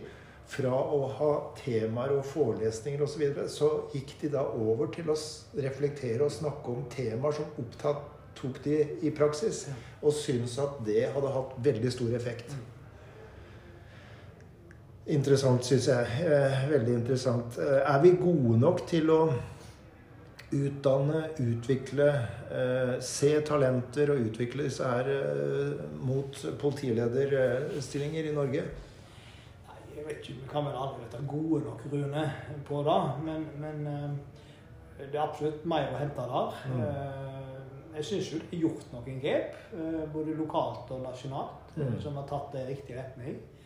Det er jo lettere i dag å være ambisiøs og si at jeg har lyst til å bli leder. Mm. Jeg har sjøl en erfaring med ei som jeg hadde inne til intervju. Um, hun søkte på en grunnstilling. Og så um, sier hun Men vet du, Arne, jeg har lyst til å bli leder, jeg, sa hun. Mm. Og på første jobbintervju i politiet Dette er åtte år siden. Mm. I dag er hun en nivå fire-leder med personalansvar. Ja. Og det- var så artig å sitte og høre. Og så, men jeg har lyst til å bli leder. jeg, sa hun. Det er tøft. ja visst. Og, og, nei, men jeg tror òg det er flere unge i dag som, som tenker veldig tidlig Ja. at de har lyst til å bli ledere. Jeg, iallfall i min kultur, og eh, sånn som jeg opplever det, så, så heier vi på dem. Ja. Eh, Vi løfter dem fram. Vi prøver òg å få fram eh, unge, spesielt ledertalent blant jentene. Det det er en kultur for det. altså. Men det er sikkert ikke sånn overalt. Men jeg kjenner meg igjen i det. Mm. Du nevnte tidligere at du eh, har eh, gått eh, Forsvarets sjefskurs. Mm. Eh, si, hva, hva var utbyttet der, syns du, hvis du skal se tilbake? Altså, Forsvarets høgskole sitt sjefskurs er jo først og fremst reklame for Forsvaret. Å skape forsvarsvenner. Mm. Eh, Dette er jo et strategisk grep fra Forsvaret så de har lykkes med i mange år. Der de samler folk fra alle samfunnslag. Mm. Media, politikk, eh, offentlig, privat. Men de lykkes med det. Men så får de til det som er egentlig kjerneverdien deres. Og det er at de skaper noen møteplasser for ulike leirer. De kan skape allianser. Mm. Vi sitter jo og får en stor innsikt i Forsvaret. Mm. Eh, politikk. eh, Sivil beredskap. Mm. Og for meg er det egentlig to ting jeg sitter igjen med. Og det er jo relasjonene i gruppa. Altså Helt fantastisk. Det, det var virkelig friminutter Mm. å snakke om det. Ja. Jeg var der i tre måneder. Mm. Og hadde jo, vi fikk jo ikke ha på mobilen, men mobilen innelåst, hadde jeg sagt. Vi la den ifra oss. Mm. Og, og vi var til stede. Vi satt ikke sånn som på mange andre møter og kurs og så på mobilen og svarte. Nei. Eh, vi skapte relasjoner. Så lærte jeg jo så mye av andre. Ja. Og så møtte jeg ledere som var kjempeinteressert i å lære av meg. Ja. eh, Høre på hva jeg hadde fått til, ikke minst via media. Mm. Eh, Så jeg fikk jo eh, gi innspill på det. Og så lærte jeg eh, mye om Forsvaret, eh, som var kjempeinteressant. Vi var på studieturer. Vi var i Washington, New York, Brussel, hovedkvarter oppe i Bodø. Vi var rundt. Og vi Mm. fikk oppleve ting som du ikke får gjort hvis ikke du går der. Så eh, Nei, det var tre fantastiske måneder. Eh, Det eneste minuset var at jeg måtte gå med slips hver dag. ja. Jeg er ikke glad i slips. Det har jeg sett. Ja, Derfor er jeg nå glad at eh, mandag så er det sommeruniform. Ja. Ja. Kunne man ha tenkt seg en tilsvarende, et tilsvarende topplederprogram i, i politiet som hadde noe av den samme formen og noe av den samme retningen? ja, du, Da diskuterte jeg meg for noen år siden. Eh, når jeg var forbundsleder, så diskuterte jeg det med en i POD eh, på høyt nivå om eh, vi både faktisk hatt ambisjon om å skape noe sånt for å skape politivenner. Mm. Og skape forståelse av politiet sitt komplekse samfunnsoppdrag. Um, det var ikke avvisende, men, eh, men eh, konklusjonen ble jo som ofte det vet i politiet, nei, det er vanskelig. Mm. Eh, men tanken er spennende. Og Mm. jeg tror det hadde hatt det potensial her, og det er pga. én ting. Alle er interessert i politiet. Mm. Kanskje enda mer interessert i oss enn i Forsvaret. Ja. Kanskje ikke akkurat nå, men i en normal fredssituasjon. Mm. Eh, så tenker jeg at det da hadde vært interessant for mange. Mm. Eh, og jeg tror vi har noe å kopiere fra Forsvarets høgskole inn i norsk politi. Mm. Og jeg tenker også at uh, det kunne vært brukt som et virkemiddel for å konkretisere samfunnsoppdraget, skaffe seg allianser, eh, også og, og, og, og på en måte videreutvikle det forebyggende perspektivet. Så Det syns jeg er interessant. Det er en del som kritiserer eh, politiet med hensyn til åpenhet og mangel på tilbakemeldingskultur. Hva tenker du om det? Det er jo helt rett. En eh, rettmessig kritikk eh, mange ganger. Og jeg syns ofte ting tar altfor lang tid. Mm. Sjøl sett. At, eh, og jeg sa det tidlig i samtalen vår, at for meg er det grunnleggende viktig å svare på alle henvendelser jeg får. Mm. Eh, og i rimelig tid. Et konkret svar. Dette handler om respekt. Mm. Og en etat som eh, politiet, som har så stor makt, har så mange verktøy i verktøykassa si, må være audmjuk i forhold til at noen er uenig med oss. Mm. Noen kritiserer oss. Og vi ser jo på siste innbyggerundersøkelsen at vi skårer litt lågt på vår evne til å forklare publikum hvorfor vi har gjort sånn og sånn. Mm. Det forventer de i dag. Mm. Det er ikke sånn som for 30 år siden, da du og jeg var unge og lovende, at vi kan si at nei, men sånn er det bare. Sant? Det kunne du si da. Ja, ikke sant? Og da var det autoritet knytta til rollen. Men nå er det snakk om kunnskap og argumentasjon. Det går ikke lenger. Nei. Og Derfor må vi skjønne at da må vi forklare, Mm. begrunne. Der har vi en del å gå på. Det bør politiet vite bedre på. Så tenker jeg i forhold til noe du eh, tok opp og vi snakka om tidligere her, det var altså Du snakka om respekt, men det også å tåle kritikk eh, og andre synspunkter, og samtidig ha respekt for både eh, kritikken og uenigheten. Det ligger jo et eller annet med åpenhet, eller mangel på åpenhet, akkurat knytta til det. Ja, eh, det gjør det. Eh, Men for meg handler det tilbake til ordet respekt. Mm. Det er egentlig det som er grunnlaget. Har du en grunnleggende respekt, så skjønner du at folk som kommer med sånt, de må få et ordentlig svar. Mm. Men jeg tenker også Arne, at det handler om trygghet som menneske. Jo da, absolutt. Ikke sant? Altså, har du trygghet, så tåler du også både kritikk og, og krevende spørsmål. Enig. Hva er det som har drevet deg? Nå skal vi inn på, Jeg går snart inn for landing her. Vi skal inn på punktet læring og vekst. Hva er det som har drevet deg som fagforeningsleder, politiker og som, som, eh, ja, som leder? Nei, Det er vel kanskje litt der vi starta. Eh, mye energi. Mm. Jeg har vel vært utrusta med fra naturen. Jeg arva etter mor mi. Mm. Eh, enormt energisk. Mm. Fortsatt. 80-20 år gammel og er jo så opptatt at hun må se i boka si om hvis sønnen kan stikke innom og. Eh,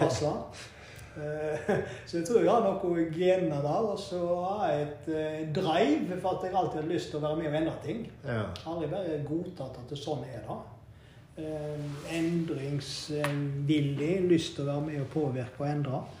Samfunnsengasjement. Mm. Men jeg må jo erkjenne at jeg har av og til lurt på hva, hva som gjorde at jeg orka å være pendler i 23 år til Oslo. Og ha i snitt eh, mellom 170 og 240 reisedager i året. Mm. Men nå er jeg jo 64 år, så jeg har ikke den energien som når jeg var 30 og 40 og 55. Nei.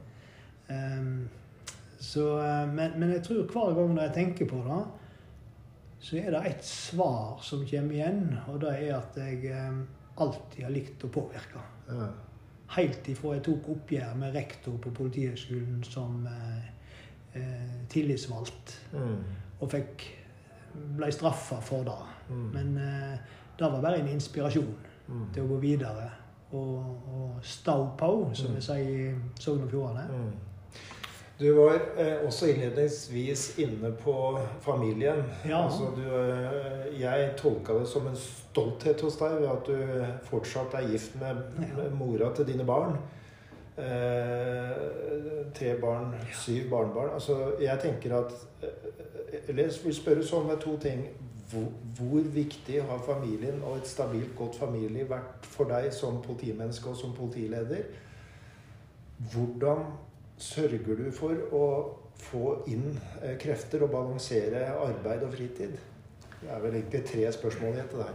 Ja, det er jo ikke alltid lett, dette, da. Men eh, for meg hadde ikke gått an å leve et sånt egoistisk liv. For det er jo det jeg har gjort i så mange år. Og overlatt så mye til Janne på hjemmebane. Eh, hvis ikke hun var enig i det og støtta meg i det, så hadde det ikke gått. Um, hun har jo ofra utrolig mye for at jeg skal få leve det egoistiske livet. Mm. Og utfolde meg på de arenaene jeg har gjort. Så det er jeg jo evig takknemlig for. Mm. Um, og det har jeg jo prøvd å sette pris på. Mm. Vi har alltid, alle år når jeg har levd et sånt liv med mye reising, så har vi alltid opptatt av én helt sånn kjerneverdi. Det er at vi alltid skapt oss noen rom og lommer der vi er i lag. Mm. Vi har reist mye i lag. Både masse turer i utlandet.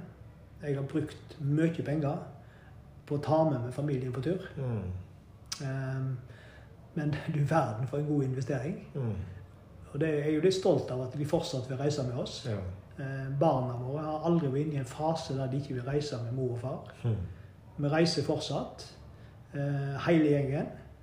Én til to ganger i året Mm. så reiser vi på tur. Jeg sponser de, Mm. en god investering. Mm. Forskudd på arv, sier jeg til de. Ja. Jeg vil heller bruke penger på de nå enn at de skal arve mye penger når jeg er død. Eh, Så, så da har nok vært litt Vi har skapt noe da. Det har vært lim i familien. Ja. Eh, Vi er i lag i påskehøytid, jul. Alle i lag. Alle sånne. Ja. Eh, Og, og, og det er så kjekt. Og da har nok eh, vært med og skapt eh, denne forståelsen eh, for at eh, da er det råd å har det hektisk, Mm. så har jeg faktisk tatt et eksperiment og spurt mine barn når de er voksne, om de eh, opplevde en far som var for lite til stede når de vokste opp. Det var et dristig spørsmål. Ja, absolutt. Og jeg fikk eh, veldig klar melding fra hun ene. Du var for mye borte. Ja. Eh, ja, Det er ikke lett å snakke om det. Og de to andre de sier at nei, det opplevde jeg ikke. Nei. Du var alltid tilgjengelig, du var alltid der allikevel, selv om du ikke var der fysisk. Mm. Men det var klar melding fra den ene. Ja. Mm. Ja. Det du sier nå, det er hvor viktig familien og familielivet har vært for deg. Eh, og, og, og ditt yrkesliv, og også kanskje ditt personlige liv. Hva er det du, altså, Vi har snakka om at du er en idrettsmann, en friluftsmann. Eh, hva er det du har eh, Hvordan får du krefter eh, til å, eh, på å si, fylle opp igjen energilagrene og stå i krevende situasjoner? Som jeg sa, så er det nok nok med genet. Jeg kan jo være sliten innimellom, men, eh, men jeg er aldri så sliten at jeg ikke kan trent. Da har jeg alltid levd etter Grete Weitz sitt motto for trening. Det var, Hun sa alltid, hun brukte det, at hvis du er sliten og lurer på om jeg orker å trene i dag, så ikke ta beslutningen før du har trent i 15 minutter. Nei. Og når du har trent i 15 minutter, så snur du aldri og reiser hjem igjen. For da er du godt i gang. Og da er det bare må. Mm. Det har jeg alltid hatt med meg. Mm. Så jeg, eh, jeg trener stort sett hver dag. Mm. Hele året. Det er ikke mange dager jeg ikke trener. Det gir eh, påfyll, energi. Det gir mulighet til å reflektere, tenke, planlegge. Se livets mange sider. Og alt dette hadde jeg jo ikke minst nytte av når jeg var forbundsleder. For den jobben jeg har nå, han er jo krevende, han er morsom. Men altså, forbundslederrollen i så mange år var jo ekstrem. Det var en livsstil. Jeg, jeg var til stede 24-7 hele tida. Mm. Så um, da hadde jeg enda mer bruk for det. Helt til slutt, eh, Arne, var to spørsmål. Hva slags fotavtrykk ønsker du at skal være igjen etter deg i politiet og som politileder? Ja jeg, ikke, jeg har ikke tenkt mye på det, skal jeg være helt ærlig. Men jeg tenker at hvis de kan huske han der eh, unge lovende Johannessen som ble nå litt eldre, at eh, han var nok en ålreit fyr. Eh, og så hadde han et stort engasjement. Han sto på for det han eh, trodde på. Eh, aldri redd for å si ifra. Og sto opp for eh, både sine tilsatte og for sine meninger. Og faktisk fikk han til litt òg. Fikk jo faktisk en del gode resultat. Da tenker jeg at det får være bra. Mm. Hvis du eh, tenker deg at du står foran en eh, ung politistudent da, og, skal fortelle vedkommende hva du har lært eh, gjennom ditt liv som leder, eh, hvilke tre-fire ord vil du bruke da? Jeg snakker jo ofte med unge politifolk, og jeg møter også studenter. Jeg har alltid sagt til dem at du har valgt eh, kanskje en av Norges morsomste yrker. Eh, på den måten at det er få yrker du har så store muligheter Mm. hvis du vil sjøl. Hvis du har engasjement, guts. Det er så mange retninger. Du har så mye valg. Mm. At du, du, det er helt utrolig hva du kan gjøre og få til. Men det betyr at du må faktisk ta ansvar for det sjøl. Og ikke tro at andre skal fikse alt for deg. Mm. Du må stå på, eh, vise initiativ og gjøre noe.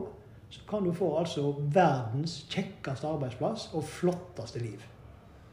Da sier jeg tusen takk for en interessant og hyggelig samtale. Eh, ehm, Jeg vil også si, ønske deg lykke til eh, i resten av karrieren. Og så tenker jeg at eh, jeg vil også si at eh, fortsett å være så aktiv, også som samfunnsmenneske. Tusen takk. Ære hvile, Rune. Oslo 1.11.2022. Jeg skal i dag snakke med Kjetil Ravlo, som er leder av eh, Norges lensmannslag, eller Norges politilederlag, som det heter i dag. Han har eh, en lang erfaring som eh, politimann. Han har vært politistasjonssjef i Værnes eh, i en eh, Fire år. Ja. Vi skal komme nærmere inn på det. Vært også funksjonsleder for etterforskning i daværende driftsenhet Midt i Nord-Trøndelag. Og han har også vært eh, i rollen som prosjektleder for innføring av PPS og pilot Cuba i Trøndelag i perioden 2016 2018. Han har også erfaring som lokal tillitsvalgt for Norges politilederlag. Han har prioritert å ta utdanning i ledelse, og han har vært en politileder som mener noe om både politi og ledelse, og har gjort dette synlig i innlegg og kronikker i aviser og tidsskrifter. Og han, jeg vet at han som politileder har vært opptatt av å bidra til gode, trygge og sikre lokalmiljøer. I denne samtalen skal vi forsøke å få fram Ravlos tanker, erfaringer og synspunkter om lederskap generelt, og politiledelse spesielt, og hva som skal til for å skape god og virkningsfull ledelse. Vi skal også komme inn på eh, Kjetil Ravlås syn på hva som er de viktigste utfordringene for politiledere i årene som kommer. Eh, og jeg håper også å få fram noen av hans tanker om hvordan man bør planlegge og utvikle norsk politi og politiledere i årene som kommer. Gir det mening, eh, Kjetil, for deg å snakke om politiledelse som fenomen og som, som en praksis? Ja, eh, jeg tenker det. Eh, det gjør jeg selvfølgelig ut ifra perspektivet som eh, mangeårig politileder sjøl. Men eh, jeg tror eh, genuint at ledere som har jobba i politiet noen år, de vil ha med seg noe spesielt, noe særegent. Vi jobber ut ifra et veldig omfattende og viktig samfunnsoppdrag. Det er utrolig bredt. Veldig skarpt når det må, og da skjer ting fort. Og på mange måter veldig mykt i det store og det hele, hvor vi skal ha en bred kontaktflate. Og, og, vi får da ledere som jobber i, denne, eh, i dette spennet med, med, ulike oppgaver. Eh, får mye dramatikk, eh, mye tragedier. Hvor ting, ting skjer fort. Mm. Dimensjoner hvor du skal ta godt vare på medarbeidere. Men også på, på borgere i mange ulike situasjoner.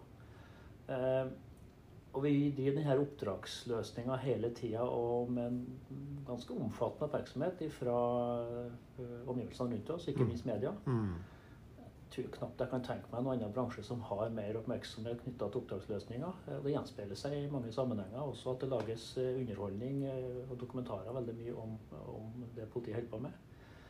Eh, så ja, jeg tror det at det gjør noe med folk som eh, har jobba med eh, politi og politirelaterte gjøremål.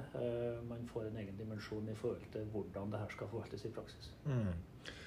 Vi kjenner begge denne professoren fra Canada, Henry Minsberg, og han har da ja, han, han, har gjort et lite forskningsprosjekt mot eh, politiledere, bl.a. blant mange andre ledere. Og han sier at slik han oppfatter det, er kjernen i politiledelse det han sier normbasert ledelse. På norsk ville vi kanskje ha sagt eh, verdibasert ledelse. Er du enig i, eh, en sånn betraktning? Det er ingen tvil om at uh, skal du lykkes eh, med samfunnsoppdraget til politiet, og skal du da lykkes som politileder i det, så må du ha et nært forhold til det med verdier. Ja. Og det er viktig at man regelmessig har diskusjoner om det. setter både prosesser og oppdragsløsning opp, målt opp mot de verdiene som både ledere og medarbeidere i politiet skal, skal stå inne for. Mm. Så det syns jeg er lett å være enig om. Et annet moment som han sier, er at eh, politiet som samfunnsorgan skal utøve kontroll. Og han sier at sentralt i politiledelse ligger også kontroll. Hva tenker du om det? Ja, eh, det tenker jeg jo. Altså skal du eh, skape trygghet, så må man gjøre det på en sånn måte at det fremstår tillitvekkende ordentlig. Eh, og da må ting være under kontroll, for mm. å si det sånn. Mm. Så litt kan man legge i det, men i en positiv eh, forstand av kontroll. Mm. absolutt. Ok, vi har fått en smakebit på, på, ledelse og politiledelse. Du mener at politi, politiledelse som begrep og fenomen er noe man absolutt kan snakke om. Men hvem er Kjetil Ravlo? Eh, si litt om, eh, om, bakgrunnen din og deg som person. Ja eh, Jeg er ja, 55 år. Eh, jeg er trønder, bosatt på Levanger. Jeg har bodd i Trøndelag det meste av mitt liv. Jeg er gift, har to gutter. Har òg en hund, en engelseter. Absolutt den beste jakthund, selvfølgelig. Mm. Det skaper alltid gode diskusjoner når man begynner å si hva som er den ja, ja, ja, jakthund. eh, og da skjønner man selvfølgelig at også at jeg har en viss interesse for fjell og friluft og, og, og jakt.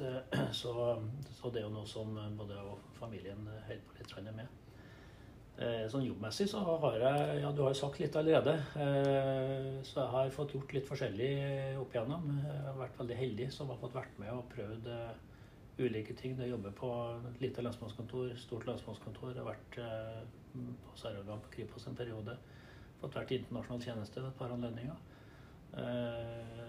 Og fått prøvd meg i ulike lederroller. I sum så føler jeg det har gitt meg en god ballast, gode perspektiver på ulike ting. Og jeg vil som du sier, jeg er nok en eh, person som er veldig glad i politiet, og glad også i utvikling av politiet og politirollen, og også lederrollen i politiet. Mm. Men det er jo fordi at det, eh, vi, vi, bor i et gjennomgående godt samfunn. Det mm. fortjener også å ha et politi som leverer godt, da, slik at det skal fortsatt være en, et godt samfunn å bo i. Og der har vi en viktig rolle i politiet. Enig i det. Du sto sikkert eh, som ungdom eh, overfor et valg. Hvilken vei skal jeg velge? Hva var, slags, hva var, det som dro deg over i politiet? Ja, Det er jo mange som tenker det at det var sånn eh, eh, arvelig belastning. Jeg har jo både en far og en farfar faktisk som har eh, vært i, i politiet. Men eh, det var ingen selvfølge. Selv om det, det, er nok sånn at man ubevisst blir litt sånn interessert og nysgjerrig. og kanskje også farga av eh, det man ser og hører, og av virket til, til dem man kjenner godt. Men jeg fikk aldri noen noe oppfordring og anbefaling om at det var den veien jeg skulle gå. Eh, det var heller å prøve litt mer eh, akademiske studier og uh, slike ting. Men uh, jeg hadde nok en vurdering på en alternativ gjennom Forsvaret. Jeg gikk på fagskole, og det kunne ha blitt en vei videre der også. Men så landa det på Politiskolen, og det har jeg i grunnen ikke angra så veldig mye på. Jeg har fulgt på med et par eh, avdelinger, som det het den gangen, med juss, mm. for å se om det kunne være vei å gå, men jeg fant vel ut at eh, nei. Jeg er litt for glad i, i det mer praktiske møtene med mennesker enn det jeg følte jeg kunne få kanskje gjennom jusen. Mm. Spennende. Um, forsvaret, hvilken på å si, enhet i Forsvaret, eller hvilken våpengren var det? Bare for moro skyld å få vite det. Eh, jeg var i eh, det som den gangen het for eh, Hærens transportkorps og intendantur. Ja. Så de hadde transport, og intendantur og militærpoliti. Og jeg var på, først på intendantur, og så gikk jeg etter hvert over til militærpoliti. Ja. Mm. Spennende. Men hva førte deg inn i ledelse, da? Altså, dette her er jo et springbrett, ikke sant? Altså, Befalsskole er jo en lederutdanning. Eh. Ja, eh, befalsskole er en eh, lederutdannelse. Og så var det nok ikke første årene noe sånn mål at jeg skulle gå i lederretning. Jeg satt mer enn nok av utfordringer og interessante oppgaver i det rollene jeg hadde som lensmannsbetjent i mange år. Men så skjer det noen ting etter hvert. Da, og, og, eh, jeg fikk en, eh, et spørsmål av en tidligere leder for meg en gang om ikke jeg skulle søke på, på et studio, det som het LO1. Mm. Det var rundt årtusenskiftet. Og da var det min første reaksjon at nei, det tror jeg kanskje ikke var så veldig om å gjøre. Jeg hadde ikke egentlig noen ambisjoner i den retningen. Og det, men med, med litt påtrykk så, så, så, ble det at jeg søkte på det studiet. Og eh, det ga mersmak. Sjøl om mm. det var ikke alt som jeg nok catcha der og da i et sånt studium, så ga det mersmak. Og det ga litt mer forståelse for at her var det eh, interessante oppgaver å ta fatt i. Mm. Så jeg tok nå det ene og det andre, og det, det ble roller etter hvert som, eh, som gjør at jeg, ja, jeg har hatt veldig interessante eh, år etterpå. Mm. Du har vært tillitsvalgt eh, og jobba med fagforeningsarbeid. Hva var det som brakte deg inn i den, det sporet? Nei, det, det, er nok eh, selvfølgelig sammenheng med at jeg, liker å ha meninger. Jeg liker å prøve å påvirke. Mm. Jeg tenker at det det å prøve å skape et handlingsrom gjennom å prøve å få til løsninger som en tror er, er bedre. Da. Eh, og det, det, er klart det engasjementet blir kanskje lagt merke til, og så får man noen spørsmål. Og eh, da eh, gikk jeg inn i en rolle som lokallagsleder da, den mm. gangen i Norges politilederlag, uten at jeg vel egentlig hadde Eh, tenkte at det skulle, skulle jeg rendyrke noe mer enn det. Da, den gangen var det et uh, bierverv fra det å være lensmann, uh, politistasjonssjef. Mm. Jeg har et lite et av flere oppheng, og det er et utsagn som provoserte meg i, for mange år siden. Politifolk leser ikke bøker, men du er en lesende person. Hva, hva, hva leser du nå? Bortsett fra sakspapirer og planer og ja, nei, jeg, må, jeg, må, prøve å koble av litt. Og, uh, en bok, selv om det, det er mindre og mindre papirbøker. Da, det er mest digitale bøker. Eh, bok det kan være en fin avspredelse. Det er sånn, nei, nå, uh, det jeg leser mest på, det er, det er faktisk uh, mer sånn historisk roman. En serie med, akkurat nå med nær sagt kongerekka. Som en Ekeberg som har skrevet om rekka fra Olav Haraldsson, og nå holder jeg på med Håkon Håkonsson. Oh, ja. Så det er jo en del eh, fiksjon, selvfølgelig, men også mye historie som mm. ligger i det. Så jeg, jeg syns det er en fin avkobling. Eh, og så har jeg en bok av en André Bjerke som jeg også holder på å kikke litt på innimellom. En interessant person som jeg har fått øynene opp for, skriver veldig godt. Mm. Så den holder jeg også på med. Så det er både, både for uh, avkobling, avspredelse og, hva skal vi si, og for flere perspektiver, da, mer kunnskap. Ja da, det er det også. Og det, det er litt begge deler. Det, det, er noen ganger hvor du leser uh, biografier f.eks. om personer som man uh, tenker er interessant. Det, det, gir innsikt, og det gir også noen ganger inspirasjon og læring på, på, på flere områder.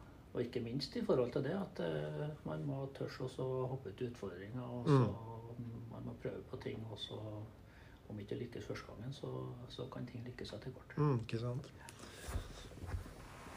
Det, jeg er også opptatt av denne balansen mellom, vi si, mellom å yte og og, ta til seg krefter. Hva gjør du for å, for å få krefter inn, som jeg sier på en naiv måte? Altså åpenbart jakt, uh, friluftsliv. Ja da, jeg gjør det. Og så, så har jeg en familie som er, som er, glad i fjell og hytte og sånt. Og vi, vi, bruker nok en del eh, Ikke bare nok, vi bruker en del tid på det. Prøver å trene litt, holde meg litt i form. Eh, tatt opp badminton igjen etter en del års fravær. Det, eh, det, er godt for voksne mannfolk å få tøyd og strekt ut litt. Ja. Sjøl om risikoen for strekk er der. Så er det litt annen type småtrening. Golf har jeg faktisk eh, også noe som jeg tar innimellom. Det har blitt ja. veldig lite i, i høst, dessverre. Mm. Hva vil du si har forma deg som menneske? Hva har vært det viktigste? Nei, du vet at det, det fins det vel ikke noe sånn uh, kort svar på, kanskje. Det, det, er jo summen av det man har, man har opplevd. Jeg har hatt en, en god og trygg oppvekst. Jeg har uh, fått en familie som Eh, selvfølgelig preger meg former meg, og som eh, gjør noe med meg. Og, og, og masse ulike jobberfaringer mm. eh, som på forskjellig vis helt sikkert har forma meg. Mm. det er så rart med det. det er, man, man, blir, man, blir klokere med årene. ser at en del ting det, det har du sett før, og du mm. får flere veier til å løse ting. og det, ja, jeg tror nok det gjør jeg tror i hvert fall det har gjort meg rundere i kantene enn hva jeg var når jeg var eh, yngre. Mm. Ja. Det er vel sikkert mange som kan kjenne seg inn i en sånn uh, utvikling. Så, så det, det, vil ikke si at det er én spesiell person som har vært veldig viktig for deg. Det er noen som i sånne samtaler har pekt på en bestefar eller bestemor eller foreldre, lærer. Nei, jeg, jeg, jeg, tror ikke jeg kan peke på, på noe mer bestemt enn det jeg har nevnt. Det er klart Både foreldre og søsken har vært viktig i, mm. i oppvekst, og mm. viktig fortsatt. Ja. Gode samtaler med Jeg har vært så heldig at jeg har foreldre som, som fortsatt er godt med. Og, og det er klart det å også ha kone som en kan snakke godt med, det er veldig bra. Verdifullt. Norges politilederlag, hva er det for organisasjon? Norges politilederlag det er som du sa innledningsvis tidligere lensmannslaget, som det ble kalt. Som etter hvert har skifta et navn og også et nedslagsfelt for, for medlemmer som er litt bredere. Mm. Så vi er jo en organisasjon for eh, ledere på alle virksomhetsnivå. Eh, virksomhetsområder og alle ledernivå. Mm. Eh, også lederstøttefunksjoner ja. i politiet, da. og vi er en organisasjon som selvfølgelig er opptatt av ledelse og lederrollen. Utvikling og ivaretakelse av den i politiet.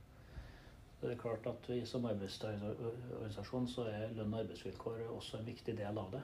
Eh, og det har vi regelmessig fokus. Men eh, vi er også opptatt av å være en pådriver, en konstruktiv pådriver på å utvikle politiet. Ja. Eh, så i det så ligger det, ligger det, mye, og det kan være små saker, og det kan være større saker. Hvor mange medlemmer har dere per i dag? Vi er ca. 500 medlemmer.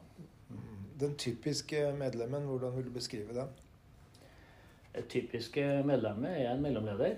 Eh, men som jeg sier, vi har på forskjellige nivåer. Eh, og mellomledelse kan jo være så mangt. Ja. Eh, Selv paven er jo mellomleder. Ja, ja altså Stasjonssjefen har jo kanskje vært en sånn, sånn kjernemedlem. Men, men det er bredere enn som så. Og vi dekker jo som sagt alle virksomhetsområder.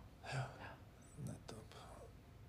alle organisasjoner, eh, og også åpenbart fagforeninger, da, har sin ambisjon. Hva er ambisjonen til eh, Norges politilederlag? Det er vel som jeg var inne på. Vi, vi ønsker å være den beste eh, arbeidsorganisasjonen for ledere i politiet. Og det er noe vi jobber med. Vi jobber for å også bli større. Det er noe sånn at Dess flere vi er, dess bedre påvirkning kan vi få. Mm. Eh, og eh, utover det så, så, skal vi være en eh, pådriver som blir lagt merke til, og som blir lytta på i utviklinga av politiet. Det er jo en god del ledere som er medlemmer av Politiets Fellesforbund også. Hva er det som skiller Norges politilederlag og Politiets Fellesforbund knytta til leder, si, tanker om lederrollen og og ivaretagelse av politiledere. Er det noe konkret du kan peke på? Nei, jeg tror ikke jeg kan, eh, kan eh, gå i detalj på hva Politiets Fellesforbund eh, står for i den sammenhengen. Men, men det er klart at jeg tenker Norges politiredag har en mer rendyrka medlemsmasse. Vi, mm. vi, skal ivareta ledelse, lederrollen spesifikt det gjør det nok tror jeg, litt enklere for oss i noen settinger i ja. forhold til å flagge saker og sakstyper. Mm. Eh, så er det sånn at uh, Norges Politilag og Politiets vi samarbeider om, om, mange ting, og det skal vi fortsatt gjøre når vi har felles interesser. Ja. Det, jeg spør fordi det altså, Hvis man sammenligner politiledere med ledere i andre sektorer i offentlig, eh, eller andre deler av offentlig sektor, f.eks. skolelederne, som den tillitsvalgte sitter vel her i huset, så har jeg et inntrykk av at eh, der er identiteten sterkere knytta til lederforeningen enn det er i politiet. Er det, går det an å tenke, på, tenke på den måten jeg uttrykker det der? Altså Identiteten er eh, mer mot lederrollen, ledelses, lederidentitet, enn det er for lederne som er i Politiets Fellesforbund. Så tror jo jeg, som du sa, at eh, eh steller, stemmer teller. Altså antall medlemmer betyr noe for gjennomslagskraft.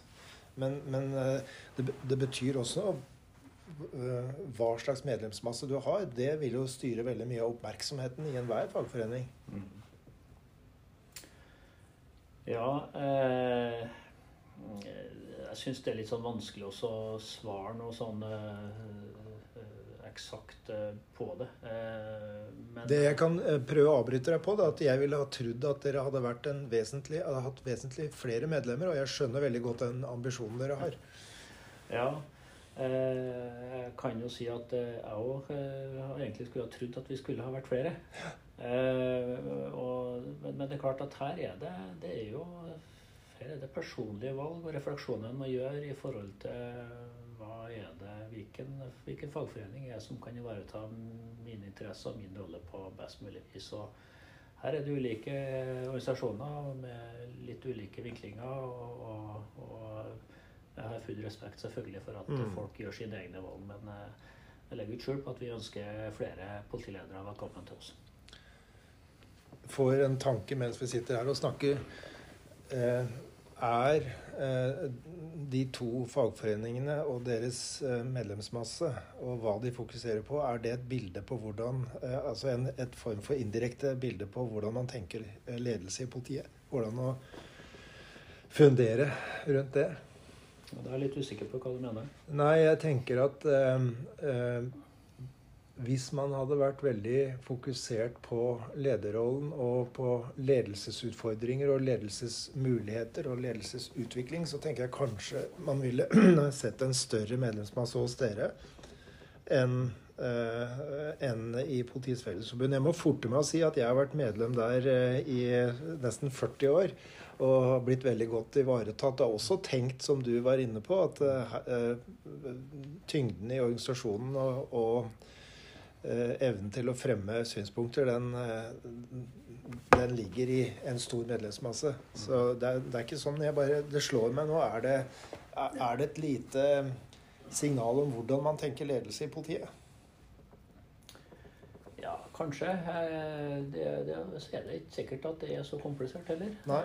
Jeg tror det ligger veldig mye i det at altså, Politilederlaget vi organisere eh, folk som er ledere. Ja. Det tar som regel litt tid før man havner i lederrolla. Så man begynner gjerne i en annen organisasjon, og ja. da er vel eh, Fellesforbund en veldig naturlig plass å starte. Ja. Og har du begynt en plass, så er det også lett å bli der så lenge man føler man er ivaretatt. Sånn, eh, det, det, har vært liksom sånn jeg har tenkt. Så det er kanskje ikke verre enn som så. Nei. Nei, men da, da, går vi over og, eh, og, og snakker litt om ledelse. Og noen eh, vil framheve handlekraft og beslutningsdyktighet, kanskje også mot, som viktige egenskaper eh, eller ferdigheter hos ledere. Handling, aktiviteter og problemløsning ligger veldig tydelig. Andre betoner ydmykhet og tillitsskapende eh, og atferd og mer sånn tilretteleggende lederskap. Noen stiller jo spørsmålstegn ved om ledelse noe, er noe å bry seg om i det hele tatt. Altså, det er en slags kritikk hos mange mot en romantiserende uh, holdning til ledelse. Uh, hva, hva, hvis vi begynner sånn generelt, da, hvordan tenker du om, om ledelse? Jeg, jeg, tenker jo altså Ledelse det kan være utrolig mye forskjellig. Eh, og det kan ha utrolig mye forskjellig innhold og vekting. Eh, og det er, skal jeg prøve å forenkle det, så det, så, det avhenger helt av kontekst. Ja. Mm. Altså det, det, å være en god leder og en effektiv leder, det handler om at du er flink til å se okay, hva er konteksten. Hvem mm. er det jeg har med meg? Hva er oppdraget? Altså det, du, du, må være flink til å klare å se situasjonene. Eh, enten du er en innsatsleder som blir kasta ut i et oppdrag, eller du er en stasjonssjef som uh, skal håndtere en, uh, en, situasjon i lokalsamfunnet, eller politimesteren som, som, får et eller annet. Altså På alle nivåer sånn, så, så, så, vil det være evnen til å se konteksten, og så, så klare å gjøre grep ut fra den. og Da kan man jo dele opp og, og, og sette mange forskjellige ord på mm. elementer av ledelse. Men eh, tar du konteksten på en god måte og eh, klarer å løse den oppgaven da eh, på best mulig vis opp mot målet, så da lykkes du. Mm. Men, men, hva tenker du om at altså Forskning spesielt fra England og USA de, de sier at for at ledere i politiet skal få legitimitet hos både sine ansatte, men også i eksterne i miljøer utafor politiet, så må de ha hatt skoa på, som det heter. Altså they must have walked the beat. Altså må, det handler om å forstå politiet som organisasjon, samfunnsoppdraget. Det handler om å forstå den konkrete arbeidshverdagen til medarbeiderne. Eh, Få høre dine refleksjoner rundt det. Altså, det sier jo noe om hva slags bakgrunn politiledere ideelt sett bør ha. Ja, jeg, tror, jeg, tror, det i mange sammenhenger så er det en, en, betydelig fordel. Og det er litt tilbake til det jeg sa om at jeg mener faktisk at politiledelse har noe særskilt ved seg. Mm. Og hvis du da har fått uh, være med og, og altså Det er ikke sånn at alle må ha vært, uh, vært patruljerende, etter jeg mener, men altså fått vært med på en del hendelser. At Du har fått eh, opplevd litt hva det innebærer å jobbe i politiorganisasjonen med de oppdragene man har. Det gir deg en ekstraverdi i forhold til hvordan du skal tilnærme deg også andre deler av eh, ledergjerninga i, i, mm. politiet. Mm. Så det er ikke dermed sagt at det ikke er mulig å komme inn uten, uh, uten den bakgrunnen. Uh, det finnes det mange gode eksempler på. Uh, at, at, det, at, det, går an. Men jeg tror det er en fordel. Absolutt. Mm. Ja, det er, det er, noe med både å forstå det, konteksten, ikke sant. Intern kontekst og arbeidsprosesser og Eh, hva som er kvaliteter ved arbeidet. Men eh, det handler også om å forstå de verdiene som gjelder i, knytta til en profesjon, da, politiprofesjonen. Og så, og I hver, hvert enkelt oppdrag så, så, er det en hel haug av beslutninger. Og det er ganske lurt å, å, å skjønne sammenhengen der, vil jeg tro. Mm. England har jo prøvd eh, med noe som heter fast track entrance. og Det betyr at uh, altså de ønska å ha inn akademikere inn som politiledere på mellom- og seniornivå. De fikk en veldig forenkla og forkorta politiutdanning og, og, inn og tok lederutdanninger. og Det var for å få styrka ledelse, men også for å bidra til å endre kultur. Fagforeningene var sterkt imot det. Og den diskusjonen har gått i, i mer enn et tiår nå. Eh, ja, men eh, jeg, jeg, tror det er et annet system eh, i England enn, enn, hos oss. Og jeg tror også andelen av de som kom som eh, sivile eh, inn i politiet på et mellomledernivå, den er mye høyere der enn det vi har sett i Norge. Mm. Det, sånn, hvis man går noen år tilbake i England, så, så var jo veldig mange av politimesterne det var gamle militære. Mm. Så det, det, er en helt annen eh, tradisjon enn det vi ser her. Mm. Mm. Hva er din ledelsesfilosofi? Jeg regner med at en klok mann som har vært leder noen år, som deg, har, eh, har noen konkrete tanker om det? Jeg ble utfordra en gang på et studie av, av en som heter Rune Glomseth. Det er liksom å definere en lederplattform. Ja. Så det er vel det nærmeste kan komme en, en lederfilosofi, tror jeg. Eh, og da og grubla en del på, på, på, det, på hva er det som betyr noe eh, for meg. det jeg, jeg trakk vel landa på tre år, og det, det var med trivsel. Ja. Eh, angrepsinnstilling og kvalitet. Jeg har satt opp det som en sånn liten sånn trekant for meg. Så, så alle de tre momentene, elementene, de, de er opptatt av. Kan du si det, de tre en, en gang til? Trivsel, angrepsinnstilling og kvalitet. Ja.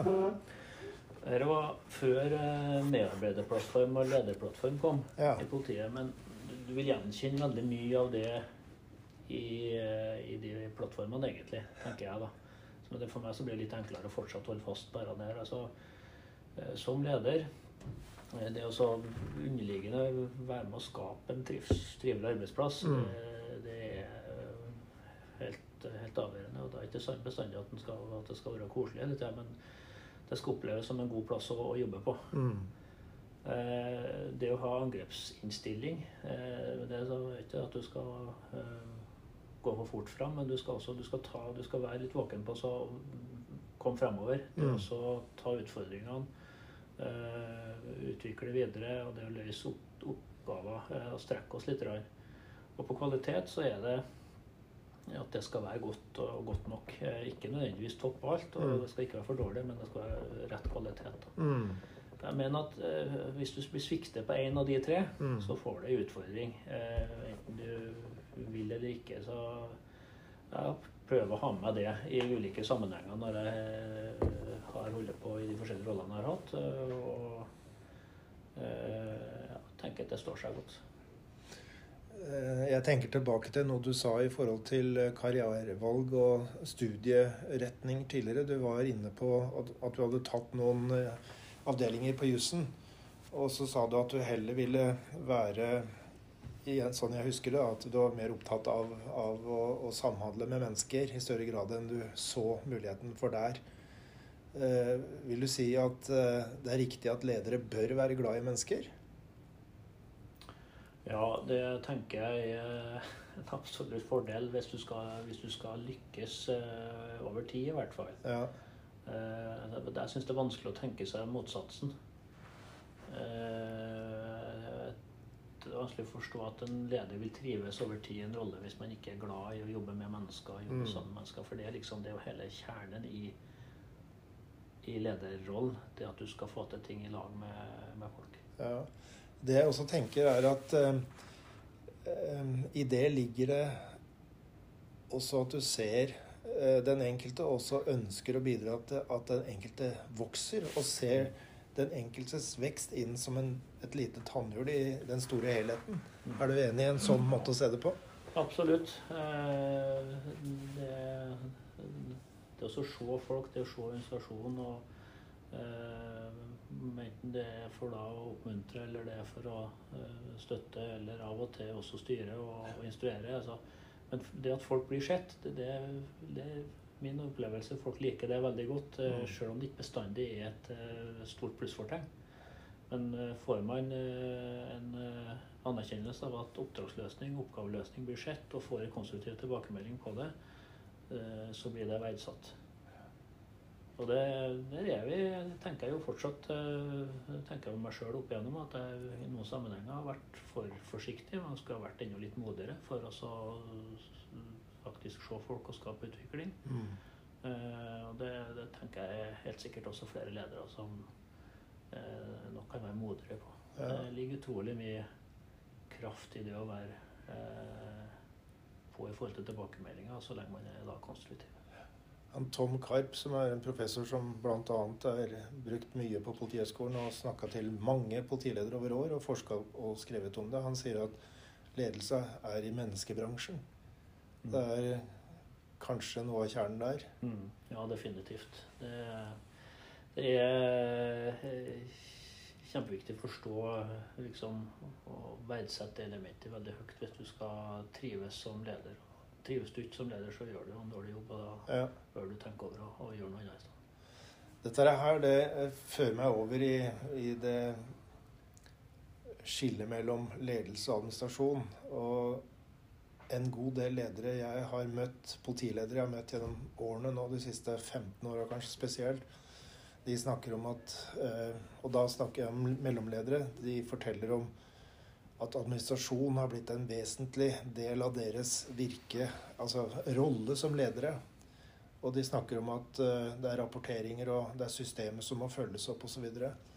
Uh, jeg er, av den mening at eh, ledelse og administrasjon, å skille de to eh, praksisene og de to elementene der, det går ikke an. Det er, altså jeg tenker at ja, det kan vi gjøre når vi skriver om det eller, eller analytisk mm. snakker om det.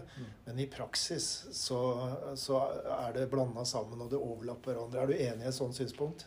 Ja, jeg tenker det du eh, Det henger veldig i hop, og du kan ikke gjøre bare det ene eller det andre. Nei. Du må gjøre begge deler. Og så er det jo sånn at eh, mange ledere, og meg sjøl inkludert, eh, har i noen sammenhenger klaga over at det blir for mye administrasjon og for lite tid til ledelse.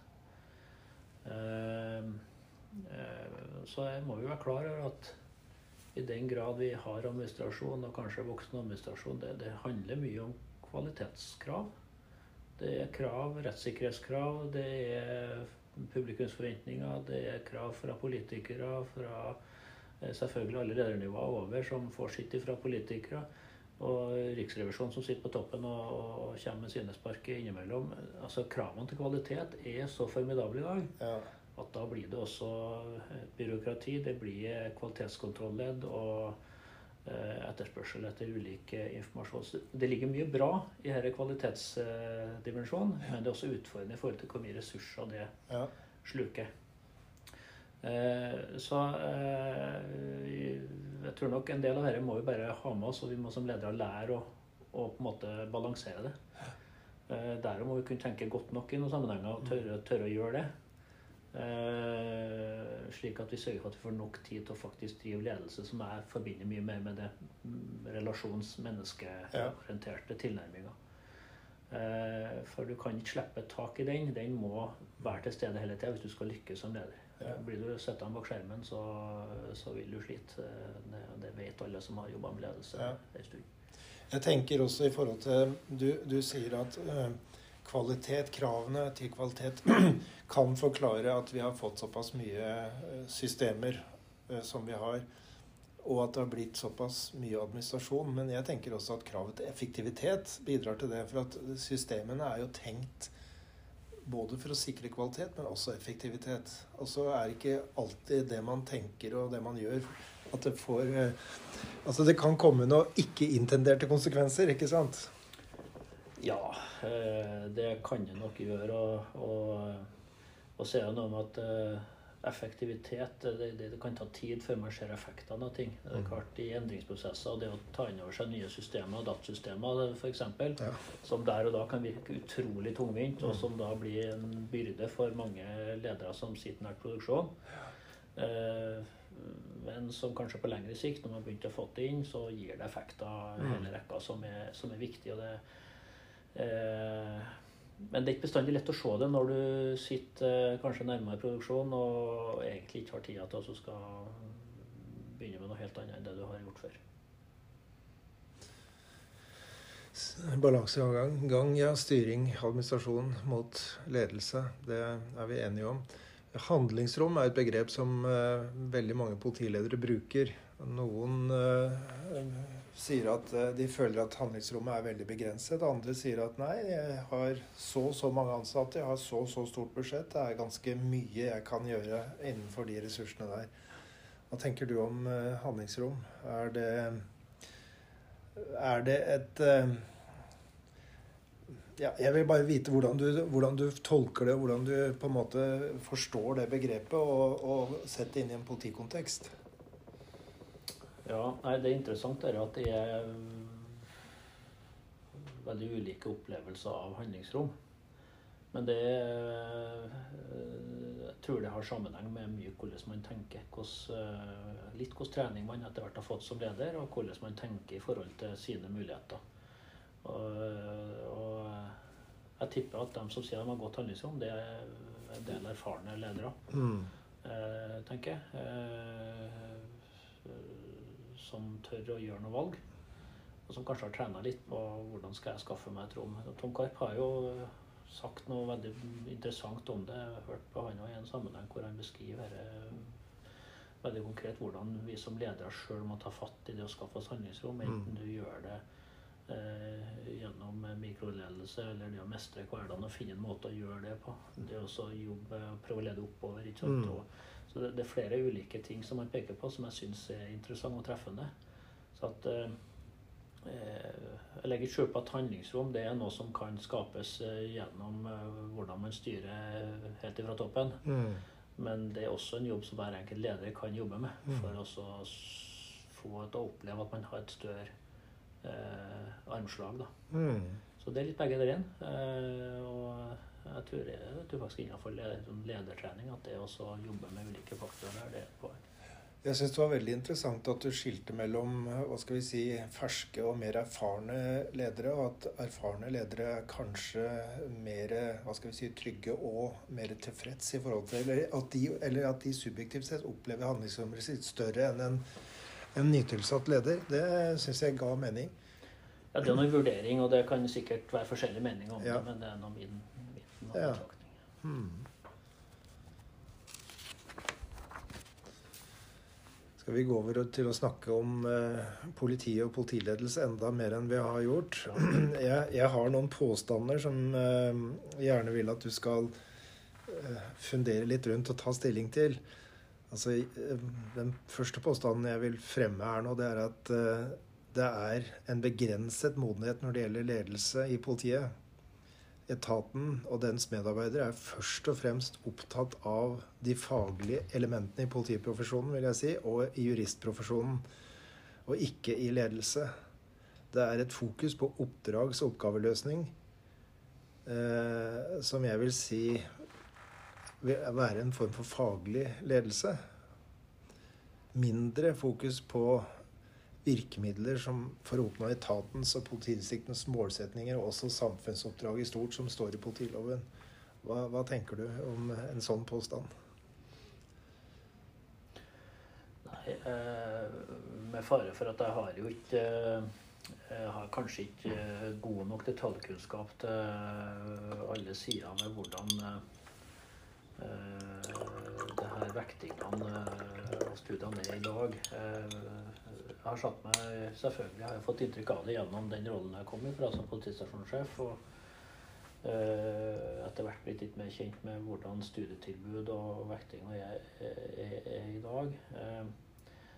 Jeg tror nok det er riktig at den faglige ledelsen har et veldig sterkt fokus i dag. og Det, det mener jeg fortsatt er en, det er en virkning etter 22.7 og mm. betydninga av at her må vi ha solid ledelse knytta til operasjonsledelse, knytta til innsatsledelse. Nå er det aksjonsledelse. Ja. Det styrka betydelig innenfor det området der. Men hva med, hva, og jeg må tilføye at Den forrige riksadvokaten, Tor Aksel Busch, var jo veldig opptatt av faglig ledelse knytta til påtalevirksomhet. Mm. Så det, det, er jo sterke signaler på det. Men, mm. men, men øh, jeg tenker også faglig ledelse foregår jo også oppover. Med beslutninger og rammer og målsetninger. Mm. Og 22.7 handla jo også om eh, ledelse helt på toppen, fra Politidirektoratet og ned til politidistrikter. Ja, eh, og så vet jeg jo at det var initiativer på gang etterpå på å få til studier også som skulle treffe det nivået, med mm. nordisk eh, master bl.a. Nå stoppa det opp. Eh, I hvert fall i første omgang. Så kan vi jo kanskje håpe at det kommer noe sånt tilbake. Jeg tenker jo at eh, det å få type lederutdannelse som treffer det sjiktet av politiet, er nødvendig. Så det er det ikke sikkert at det skal være en ren politiutdanning. Det er mulig at det her bør være å tenke litt mer på samarbeid med andre sentrale aktører. Eh, Forsvaret har jo eh, mange gode studier i dag. Eh, og det kan hende at en skal se dit, og kanskje flere sentrale aktører, for å se og finne utdanninga der som eh, både gir påfyll og også bygger nettverk som er viktig for å ha god samhandling. Mm, det er jeg enig i. Vi har snakka en del om, om eh, ledelse og administrasjon, så det, håp, det, hopper jeg over. Det var en av de påstandene jeg har her. Men jeg skal gå til neste påstand. og Det er at politiet Jeg påstår at politiet trenger et grunnsyn i ledelse, slik man har i Forsvaret. Eh, hva tenker du om en sånn påstand? Ja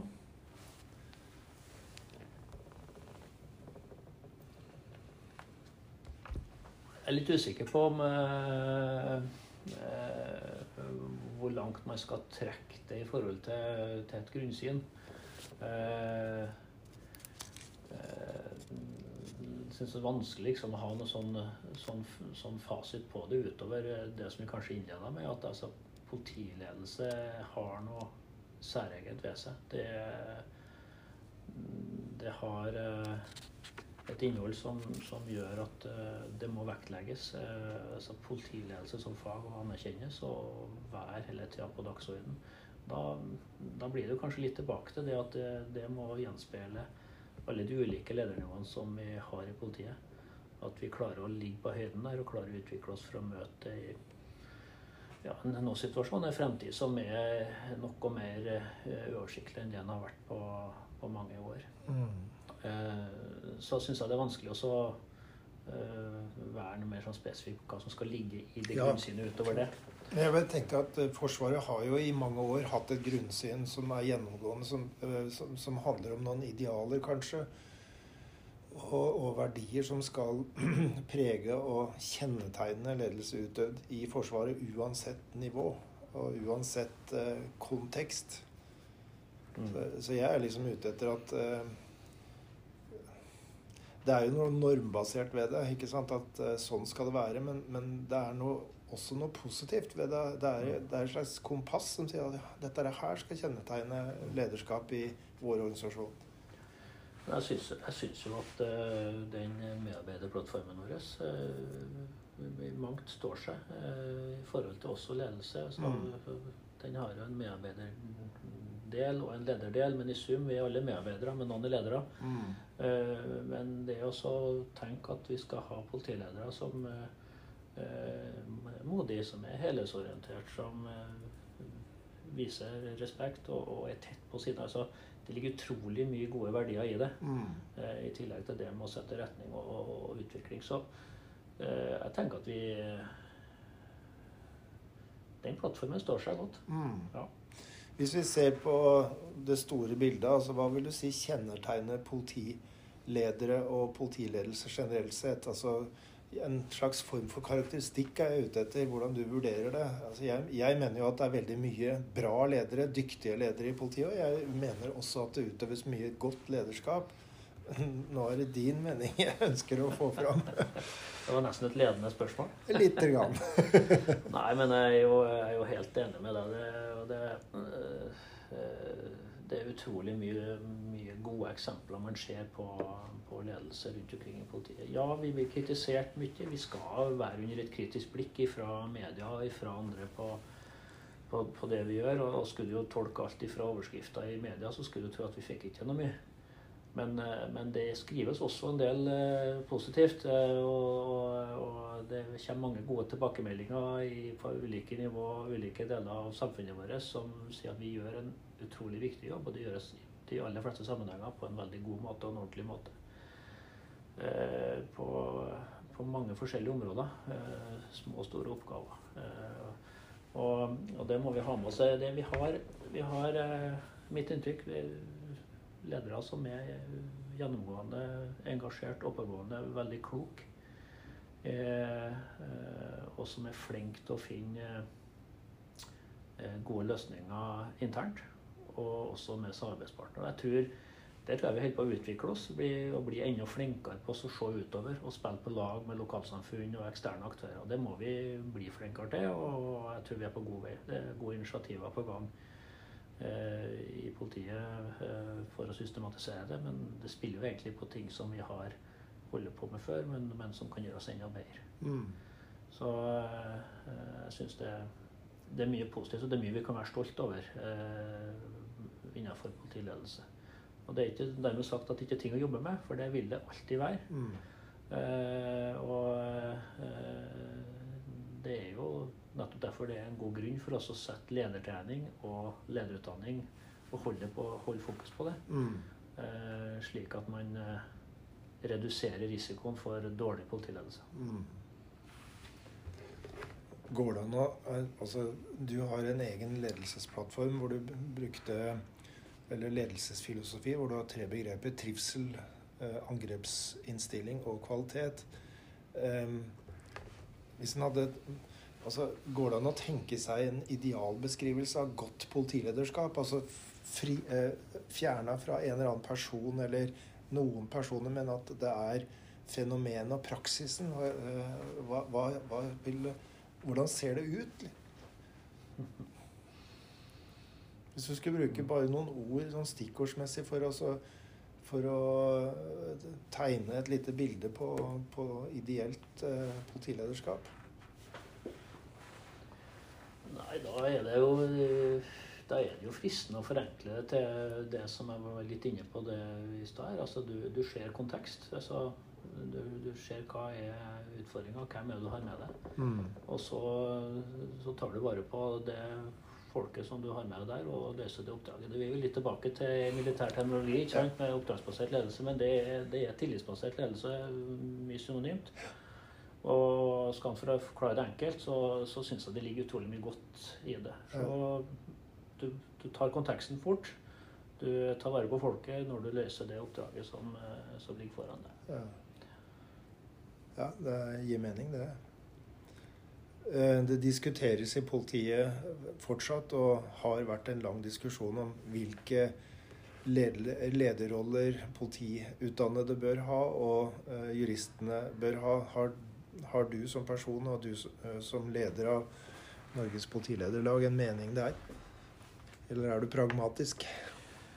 Ja, nei, jeg, er i grunnen ganske pragmatisk. Jeg tenker at eh, vi, eh, vi har plass til politijurister i ulike roller, også lederroller, selvfølgelig. Ja. Så, så, lenge at man er kompetent til det. Til å ha mm. kompetansen også innenfor å drive ledelse, tenker jeg like viktig for jurister som det er for ikke-jurister. Ikke noe kontroversielt i det du sa der. Nei. Nei. Eh, jeg har lyst til å peke på at eh, en tidligere eh, politimester og rektor ved Politihøgskolen, Ragnar Augland, han var politiadjutant ved Politihøgskolen i 1982-83. Og da initierte han eh, førstebetjentkursene som eh, I samtale med han etterpå så sier han at det var en en spore, eller en spire, spire til en eh, lederutdanning. Og han samme, eh, hadde samme argumentasjon som vi ser i dag, at førsteinnledelse i politiet er svært viktig. Og dermed, derfor så bør eh, den ledere i front, de bør styrkes og støttes. Og det, det ser vi jo nå også. Så tenker jeg at Norges politilederlag er kanskje en typisk organisasjon for mellomledere Gjør vi nok for å styrke og bidra til utvikling eh, ledelseskompetansemessig på mellomlederne i politiet? Nei, altså da er selvfølgelig spørsmålet hva er nok? Eh, og jeg tror i hvert fall at ikke vi, vi er i mål i dag. Eh, min opplevelse er at tilbudet ikke dekker etterspørselen. Og Eh, det gjelder både det her med å kunne ha en sånn praksisnær ledertrening. Nå har POD et godt initiativ i gang som eh, vi applauderer, og som vi er spent på å se enden på. Eh, som, som, gjør at vi kan få til trening. altså jeg skal ikke si noe mer om innholdet på det, men det ligger i hvert fall mye praksisnært. Ikke de her formelle studiene, mm. men som er gripbart i hverdagen i en nokså travel hverdag som mange opplever. Mm. Det tror jeg er kjempebra. Uh, og uh, så har vi vært innom det her med at uh, ja, det er bra fokus på dette med fagledelse og sånt, men kapasiteten der er heller ikke stor nok, skal en tolke tilbakemeldingene som jeg får, hvor det mm. tar mange år før noen kommer inn på type innsatslederstudier. Mm. Eh, og så har vi eh, i forhold til eh, mellomledernivået ellers, det å tenke drift av politistasjonsdistrikt, på virksomhetsnivå, politidistriktsnivå. Eh, der savner jeg nok et, et styrka tilbud. og det var veldig synd. Nå ble det nesten litt sånn personlig at ikke vi fikk testa ut en sånn nordisk master. Mm. Når ikke det gikk, så hadde det vært artig å kunne sett det å komme i en eventuelt en annen innpakning, en annen drakt, men som har gitt et tilbud som anerkjenner politiledelse mm. som Eh, et litt sånn særskilt felt. Men som jeg sa tidligere, kanskje, kanskje sammen med andre aktører innenfor eh, totalberedskapen som er sentral. Mm. I Forsvaret så, så har man eh, Forsvarets høgskole og sjefskurset som har veldig høy eh, anerkjennelse. Mm. Eh, god del politiledere gjennom åra, og også fagforeningsledere, har gått det og snakker med varmt om det i etterkant. Um, kunne man tenke seg et topplederprogram uh, i politiet som, uh, som uh, hadde hatt samme format, eller tilsvarende format som i Forsvarets sjefskurs, og med deltakere fra, fra eh, samfunnsberedskapsområdet, og kanskje andre også. Hadde det vært en ta mulig tanke? Jeg har jo ikke gått eh, sjefskurset til, til, Forsvaret, så jeg vet jo ikke vektinga der på det som er forsvarsspesifikt, og det som er mer sånn uh, allmenngyldig. Eh, og det, det, har litt å si i forhold til svaret på spørsmålet, mm. eh, tenker jeg. Jeg liker jo veldig tanken på å kunne ha denne type studier på en sånn måte at du får bygd nettverk, at det kan bli litt på tvers av sektorer. Mm. Så, så, så, så, på kort sikt, og den enkle responsen på det er kanskje at det skulle ha vært flere plasser på det sjefskurset. Altså mm. vel, i hvert fall Politiet skulle kunne hatt en større andel. I år var det vel ingen, så vidt jeg vet. Nei, det, det har jeg fått ja. med meg også. Eh, og, og, hvis ikke det er mulig, så, så tenker jeg det, det, er helt sikkert noen som har meldt interesse for det kurset. Mm. Eh, og får man ikke innpass der, så bør man jo definitivt se på om man kan få til noe eget. Det var en uh, tanke som ble diskutert for noen år siden da Hans Sverre Sjøvold var rektor på Politihøgskolen. Uh, og han ga uh, positive signaler på det, men vi, vi, fikk ikke Altså det ble ikke noe av det, rett og slett. Mm. Og um, det er jo også enkelte justispolitikere som, som tidligere politikere på det feltet som kjenner til det, og som syns det var en god idé. men det er jo selvsagt eh, Det handler om ressurser. Mm. Og det handler om også en sånn kost-nytte-vurdering, eh, vil jeg tro. Ja. Eh, det er en masteroppgave fra 2016 som har sett på tilbakemeldingskultur i politiet. Og kortversjonen av den er at, at den er ikke så god. Og at det ikke er populært å komme med kritikk verken mot politiet som organisasjon eller mot ledere. Hva tenker du om det?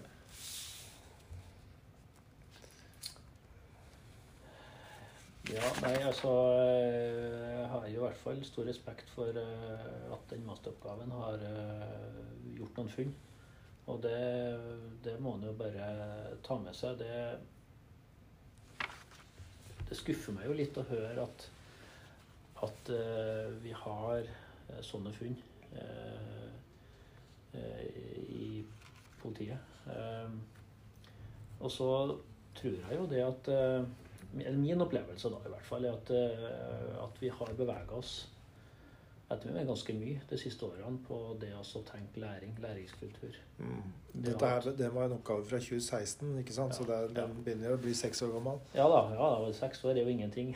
Nei, ikke et litt lengre løp. Så, hvert fall ikke når vi skal påvirke kultur, så er seks år ingenting. Men det har skjedd det har jo skjedd mye siden 2016, for det er jo et interessant årstall. Politiet på stedet kom jo inn for fullt fra 2016 utover. Mm. Det hadde med seg et eget element mer med tilbakemeldingsmøter ja. og det å sette fokus på utvikling av læringskulturer. Og jeg, jeg mener at det var viktig, et viktig redskap, så jeg håper og tror at det har gjort noe litt overalt. Jeg blir jo litt farga av å ha vært prosjektleder sjøl for PPS. Men, men eh, jeg tror vi har bevega oss i, i, ulike sammenhenger for å kunne eh, ta opp og diskutere og være kritisk med hverandre for, å, for oss å skape uh, utvikling. Vi er helt sikkert ikke i mål. Det er en ting som må jobbes med hele tida. Mm. Eh, og eh, ja, her med fryktkultur eh, det, det, det, er en sak vi skal, vi skal ta på alvor eh, som ledere. Det å være flink på å trygge folk på at det er takhøyde for oss å ta opp ting og diskutere ting. Mm. Og uenighet er ønska velkommen. Det, det, er en jobbesak hele tida. Ja. Jeg tenker at det går an å knytte til ordet eh, både trivsel og kvalitet i din eh, filosofi. Altså, det handler om at man må også ta det inn i den sammenhengen. Jeg syns jo det er litt sånn trist å lese. Altså han, eh, ifølge masteroppgaven er partiledere ikke ikke mottagelig for kritiske tilbakemeldinger. Dette er dermed med på å bygge opp under en fryktkultur, mm. sier eh, kandidaten. Ja da. Eh, og øh, det er i hvert fall sikkert at politiledere må være veldig bevisst på og nesten overtydelig på at man ønsker kritiske synspunkt velkommen. Ja. Selv om det gjør vondt, og kanskje det er urettferdig, og det finnes flere sider av det, så er ikke bestandig tida innenfor oss å imøtegå det der og da. Du må være glad for at noen faktisk uh, rekker opp hånda eller kommer innom og sier det. Ja. Og så får man eh, eventuelt vurdere om man skal bruke litt tid på, på å bearbeide det. Eh, så, så det å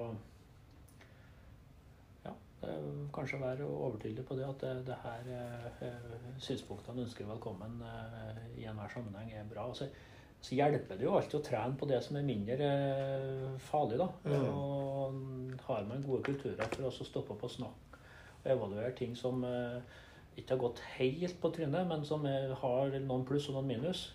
Og det blir vanlig, så blir det også lettere når det er ting som eh, skjærer seg litt. Ja. Stille deg noen spørsmål eh, eh, og få fram noen synspunkter knytta til stress. Eh, vi hadde jo en liten prat om det før vi satte i gang båndspilleren her. Eh, og det er noen politiforskere som, som eh, klassifiserer stress på eh, ved hjelp av to eh, kategorier. Det er vedvarende stress, og det er episodisk stress som er knytta til hendelser som enkeltpersoner opplever. Eh, og det er jo ingen tvil om at eh, politifolk kan oppleve ganske tøffe og krevende situasjoner knytta til skarpe situasjoner, men også f.eks. Når, når det er noe som har skjedd eh, med barn. Og her tenker jeg at politiledere har et ansvar da, for å bidra til å ivareta medarbeidere. Det er det ene. Men disse her forskerne snakker også om kronisk organisatorisk stress. Og det er også noe som en god del andre forskere både i England og USA har pekt på, at eh, for ansatte i politiet så er det noen faktorer som går igjen, og det er måten ting gjøres på, at de opplever organisasjonen relativt byråkratisk, og at de opplever også at eh, det er for lite ressurser. Eh, og så er det da også noen som opplever at det er kritikkverdig ledelse som utføres. Hva, hva tenker du om det? Hvis vi, vi prøver å sette det inn i norske forhold, er det gjenkjennelig, eller har vi en annen virkelighet i Norge enn det som kommer fram fra ganske fersk engelsk forskning?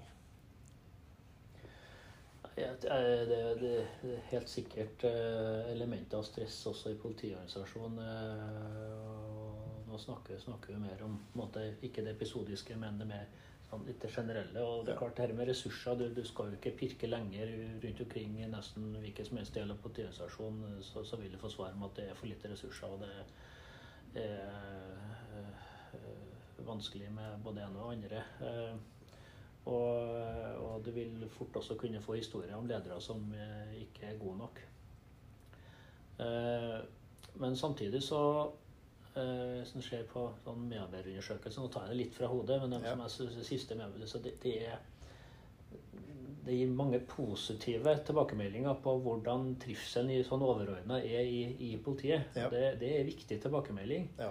tenker jeg da. Eh, eh, vi har fortsatt et lavt sykefravær. Eh, Men at det er belastninger, og at det er vedvarende belastninger noen plass eh, i forhold til restanser, saksbehandlingstid, eh, opptakstetthet osv., det, det er ikke noe tvil om at, eh, at det er, og det må vi prøve å jobbe med. Men samtidig så, så innimellom så tenker jeg i hvert fall at en del av det jeg hører, det er jo et eh, uttrykk for engasjement. Mm. Vi har eh, ansatte, både ledere og medarbeidere i politiet, som er utrolig engasjert og som brenner veldig for å skulle gjøre en best mulig jobb. Mm. Og ut ifra målestokken som man har på hva man kunne ha fått til, så er man ikke i mål. Og Da kommer engasjementet, og noen ganger kommer frustrasjonen. Og det tenker jeg er en positiv greie for så vidt, at det engasjementet er så sterkt. Disse her forskerne som jeg viser til, da, Claire Davies og Marisa Silvestri, de peker også på at det er lite forskning knytta til stress hos politiledere. Altså de, de, de skriver da, og påpeker at rollen er krevende. Eh, Det er mange utfordringer, mye som skal løses. Og at over tid så er det åpenbart at politiledere eh, kan Altså enkelte politiledere kanskje, eh, andel som vi ikke vet noe særlig om, som, som opplever at dette er, er belastende. Hva slags betraktninger har du rundt det? Ivaretar vi eh, ledernes ve og vel på en god nok måte?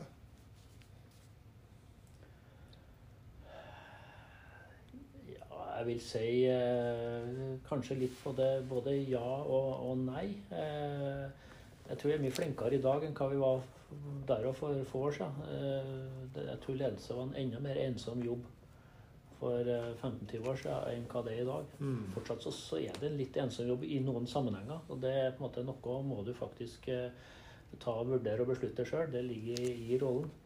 Men vi har blitt flinkere til å tenke nettverk, til å tenke ledergrupper, tenke ivaretakelse og se hverandre. Eh, eh, og det, det, tror jeg òg er kjempeviktig. Eh, det, er, det, er, mange oppgaver. Det kan fort bli stress. Og det å hjelpe hverandre i å mestre hverdager. og eh, det å, å Krevende beslutninger og Ja, ja da. Nei, så det, det, det, det skal, skal ikke underslå Jeg tar det på deg. Jobb som politileder, så, så, vil du eh, oppleve å få mer enn noe å henge i fingrene. Mm. Det er jo et uh, fint ord som heter resiliens, som eh, knytta til risiko, f.eks. Og det, det, det, går jo an å bygge det inn i den rollen. Ivaretakelse av hverandre. Ja. Mm. Bra. Um,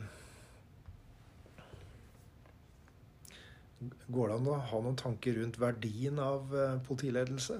Hvis du tenker på det som en, en verdi i, i kall, ja, produksjonen av, av, polititjenester? Det ligger nok mye i det som vi snakka litt om innledningsvis igjen. Dette med å drive ledelse i spennende verdier.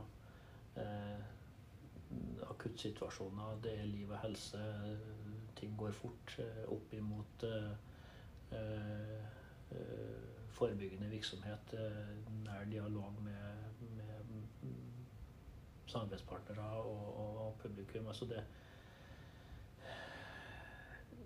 det ligger noe der. Det er litt vanskelig å sette, sette ordet på det, men, men, det at du klarer å balansere det her på en, en god måte, mm. det har det har kjempeverdi selvfølgelig i forhold til hvordan lokalsamfunnene rundt omkring opplever at vi leverer. Mm. Så er det sånn at eh, det er jo ikke alt som løses med ledelse. Vi har mange dyktige medarbeidere som klarer å gjøre utrolig mye uten at det skal stå noen og fortelle dem hvordan de skal gjøre det. For det, det har de lært seg, og det har de trena på. og alt sånt. Men så er det også en del situasjoner hvor det er utrolig nyttig å få eh, en som er med og gir litt råd og gir litt støtte og passe på at det er noen marginer som går dit istedenfor dit. Ja.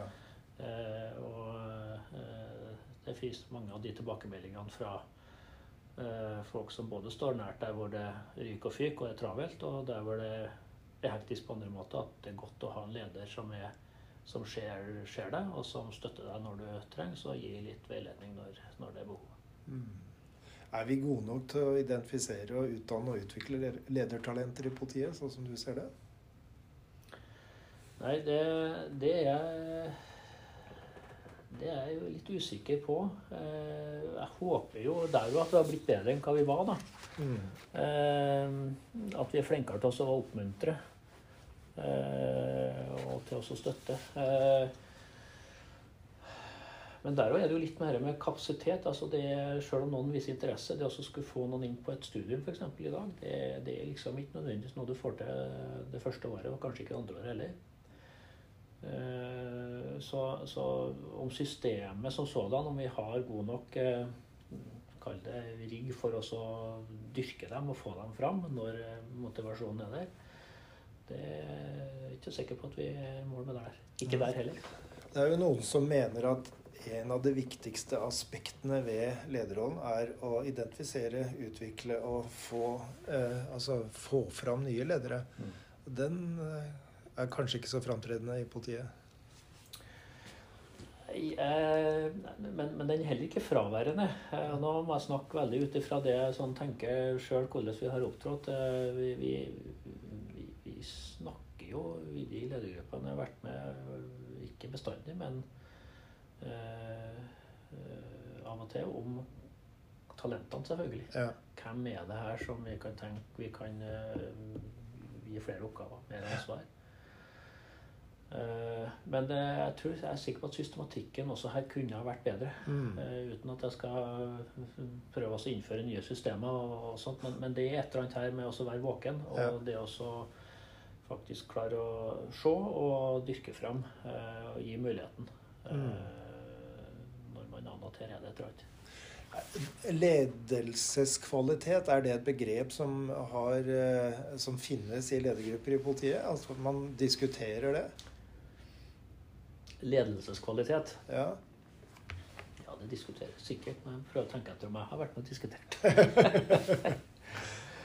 ja, altså, altså vi, vi, vi, snakker jo om, eh, vi snakker jo om hva vi tenker har vært gode, gode ledercase, altså Ja. gode måter å håndtere ting på og mindre gode måter å håndtere på. I det så ligger jo en kvalitetsdimensjon. ja. Så ja, jeg tenker vi, vi snakker om det, og der tenker jeg at vi er blitt flinkere til å også der del case, altså hvordan har vi håndtert konkrete situasjoner. Det tror jeg er veldig verdifullt. At Ja. vi i, i ledergrupper på ulike nivåer kan faktisk snakke om eh, praktisk håndtering som gikk sånn eller sånn. Både det som gikk bra, men også det som ikke gikk så bra. Så du vet at han satt på spissen sånne, sånne tilbakemeldingsmøter fra PPS. Det, Mm. det, konseptet i det det kunne man faktisk ha overført til ganske mange arenaer, Mm. også innenfor ledelse. Mm. Det er eh, Vi snakka om det også innledningsvis her før vi satte på spilleren. altså Begrepet kollegaledelse, altså, eller uformell ledelse i politiet. Er, eh, vi veit jo det, vi som har vært i politiet, at eh, vi har et eldstemannsprinsipp. Og, og det kunne godt være folk som formelt var på samme nivå som ledere ikke sant, og skulle ut og ta en eh, gjøre et oppdrag. Men det er den som er da eldst i tjenesten, som fikk eh, lederfunksjonen. Eh, nå er jo ikke Vi vet jo fra praksis at det også er, handler om hvem som er dyktig og erfaren, og hvem som har eh, på å si, oversikt og kontroll og driv. Eh, det er også en, en, en altså ledelse i praktisk eh, oppgaveløsning kan skje mellom kollegaer. Er, er du ikke enig i det? Jo, det kan jo det. Og, og vi har jo fortsatt definert et eldstemannsprinsipp som, som, som gjelder, gitt at, at ikke det er noen annen definert leder som satt på et oppdrag.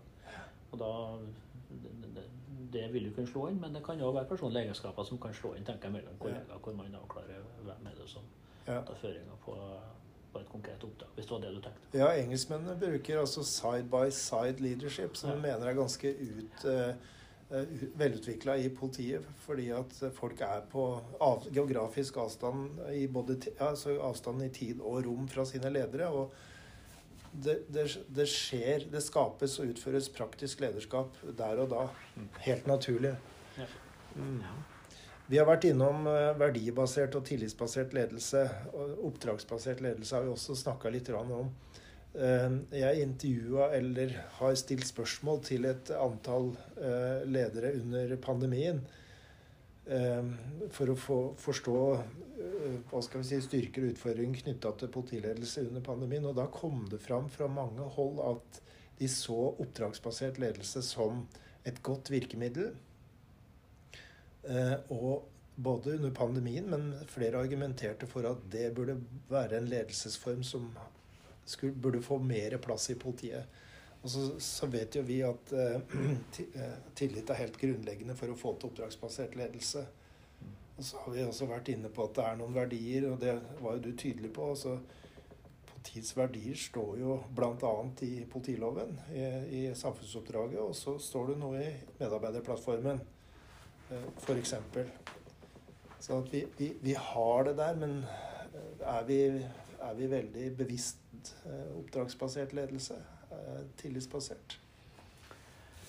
Eh, Vi gjør det vi- kanskje i praksis, men vi bruker ikke Ja. merkelappen eh, på det. Nei, det, det vi, vi gjør nok kanskje ikke det eh, bestandig. Nå er jo Oppdragsbasert ledelse er jo et begrep som har kommet inn fra Forsvaret i sterkere og sterkere grad. Tillitsbasert ledelse jo kommer jo kanskje også forsterka gjennom at nå settes tillitsreform på dagsorden. Mm. Så begrepet tillit er jo sånn veldig sånn fremtredende, og det ligger utrolig mye godt i det. Eh, syns jeg er og, og viktig, som man skal prøve å ha med seg og prøve å dyrke som leder uansett nivå, tenker jeg. Ja.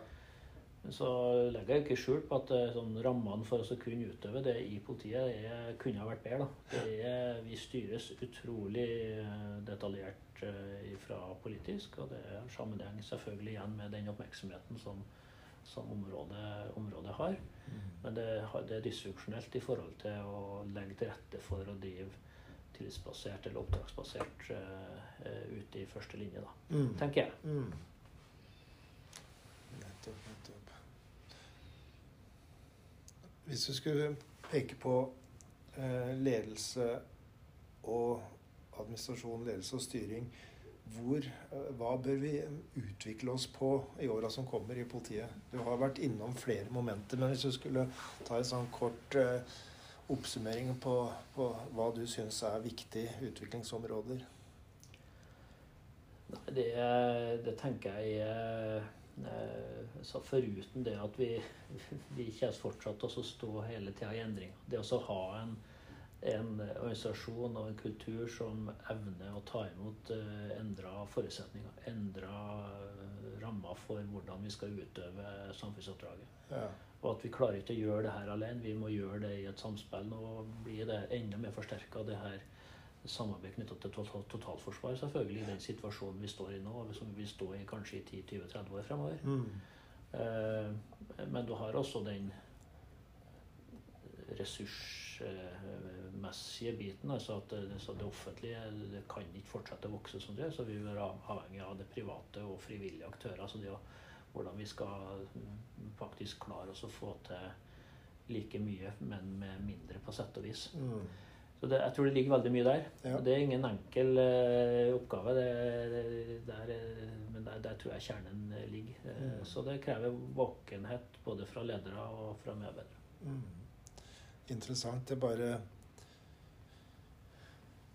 får en tanke når du sier altså eh, samarbeid med frivillige organisasjoner. Altså, I England så er det jo eh, mulig for privatpersoner å, eh, å, utøve polititjeneste i uniform. Mm. Jeg husker ikke hva det, hva, det, hva det, kalles, men det er jo en form for samfunnstjeneste som enhver borger som har lyst til å bidra, ønsker å gjøre og, og, er stolt av. Er det noe vi kunne ha tenkt oss i Norge? Jeg, jeg, jeg må si at jeg kjenner jeg blir litt, eh, litt betenkt. Ja. Uh, og det, det, er noe med hvilke forventninger er det man skaper til at personer som får på seg en uniform, og så ja. står det politi. altså da, da, får med en gang noen forventninger til hva du skal gripe inn og levere på. Mm.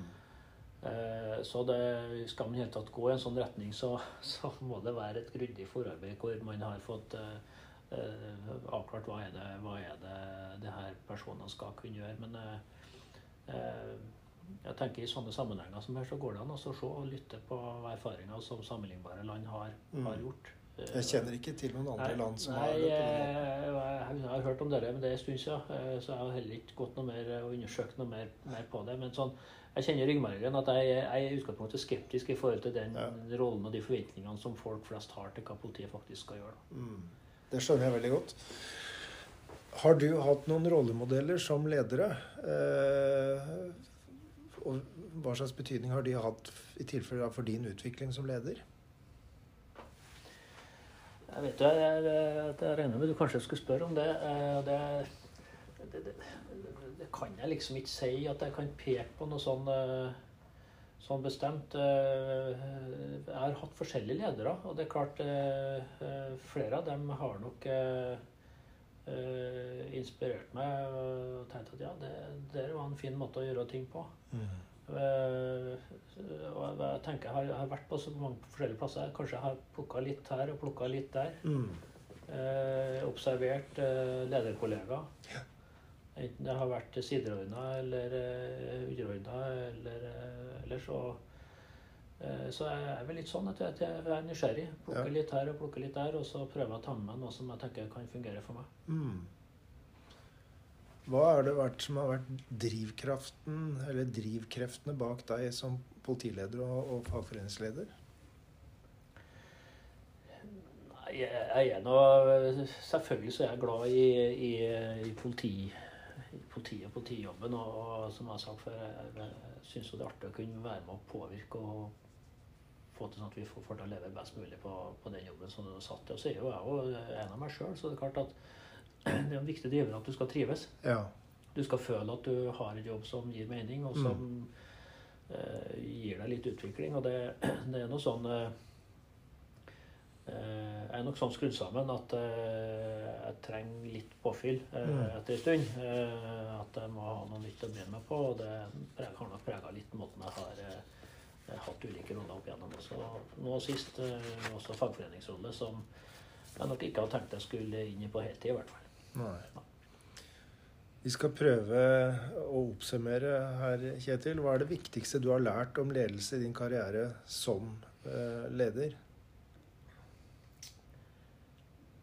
Og hvilket fotavtrykk ønsker du det skal være i politiet etter deg som eh, fagforeningsleder og politileder? Det er to spørsmål. er to spørsmål. Nei, jeg tenker at eh, Jeg tenker at uh, Straks ferdig. Ja. To minutter. Uh, det tror jeg, tror jeg viktigste er at det, leder er ikke noe du blir sånn født til. Det er jo en gammel floskel, men den, den er sannelig med, med rett. Det er, det er en treningssak. Du må ta oppgaver. Du må tørre å gå litt på trynet og prøve ting. Mm. Så vil du oppleve at du får erfaring og kan eh, få til ganske mye hvis du vil. Mm. Og står i det og er litt tålmodig. Mm. Eh, I forhold til hva jeg skal bli huska for. Jeg håper at jeg blir huska på som konstruktiv og aktiv, positiv bidragsyter. Eh, og hvis jeg i tillegg kan bli oppfatta som har vært en likende leder å forholde seg til, så, så er jeg jo, er jo godt fornøyd. Skal, jeg- skal jeg være veldig konkret på, på, på en sak som jeg jobber med nå, så, så handler det om faktisk ganske mye av det vi har snakka om i dag. Og det er jo at eh, jeg tenker politiet fortjener å få en langtidsplan som, som definerer et ambisjonsnivå. Ja. Som gir rom for eh, god ledertrening, god lederutvikling, for gode leveranser rundt omkring i lokalsamfunnene. Eh, som ja oppdragsbasert ledelse på nasjonalt nivå. Gi oss et, ambis et ambisjonsnivå, politisk forankra eh, og i ramme. Og så eh, må politilederne få rom til å faktisk eh, løse oppdraget på best mulig vis på de ulike nivåene. Det syns jeg var et ambisiøst og fint og realistisk fotavtrykk. Jeg håper det lykkes. Tusen takk for en interessant samtale. Takk i like måte.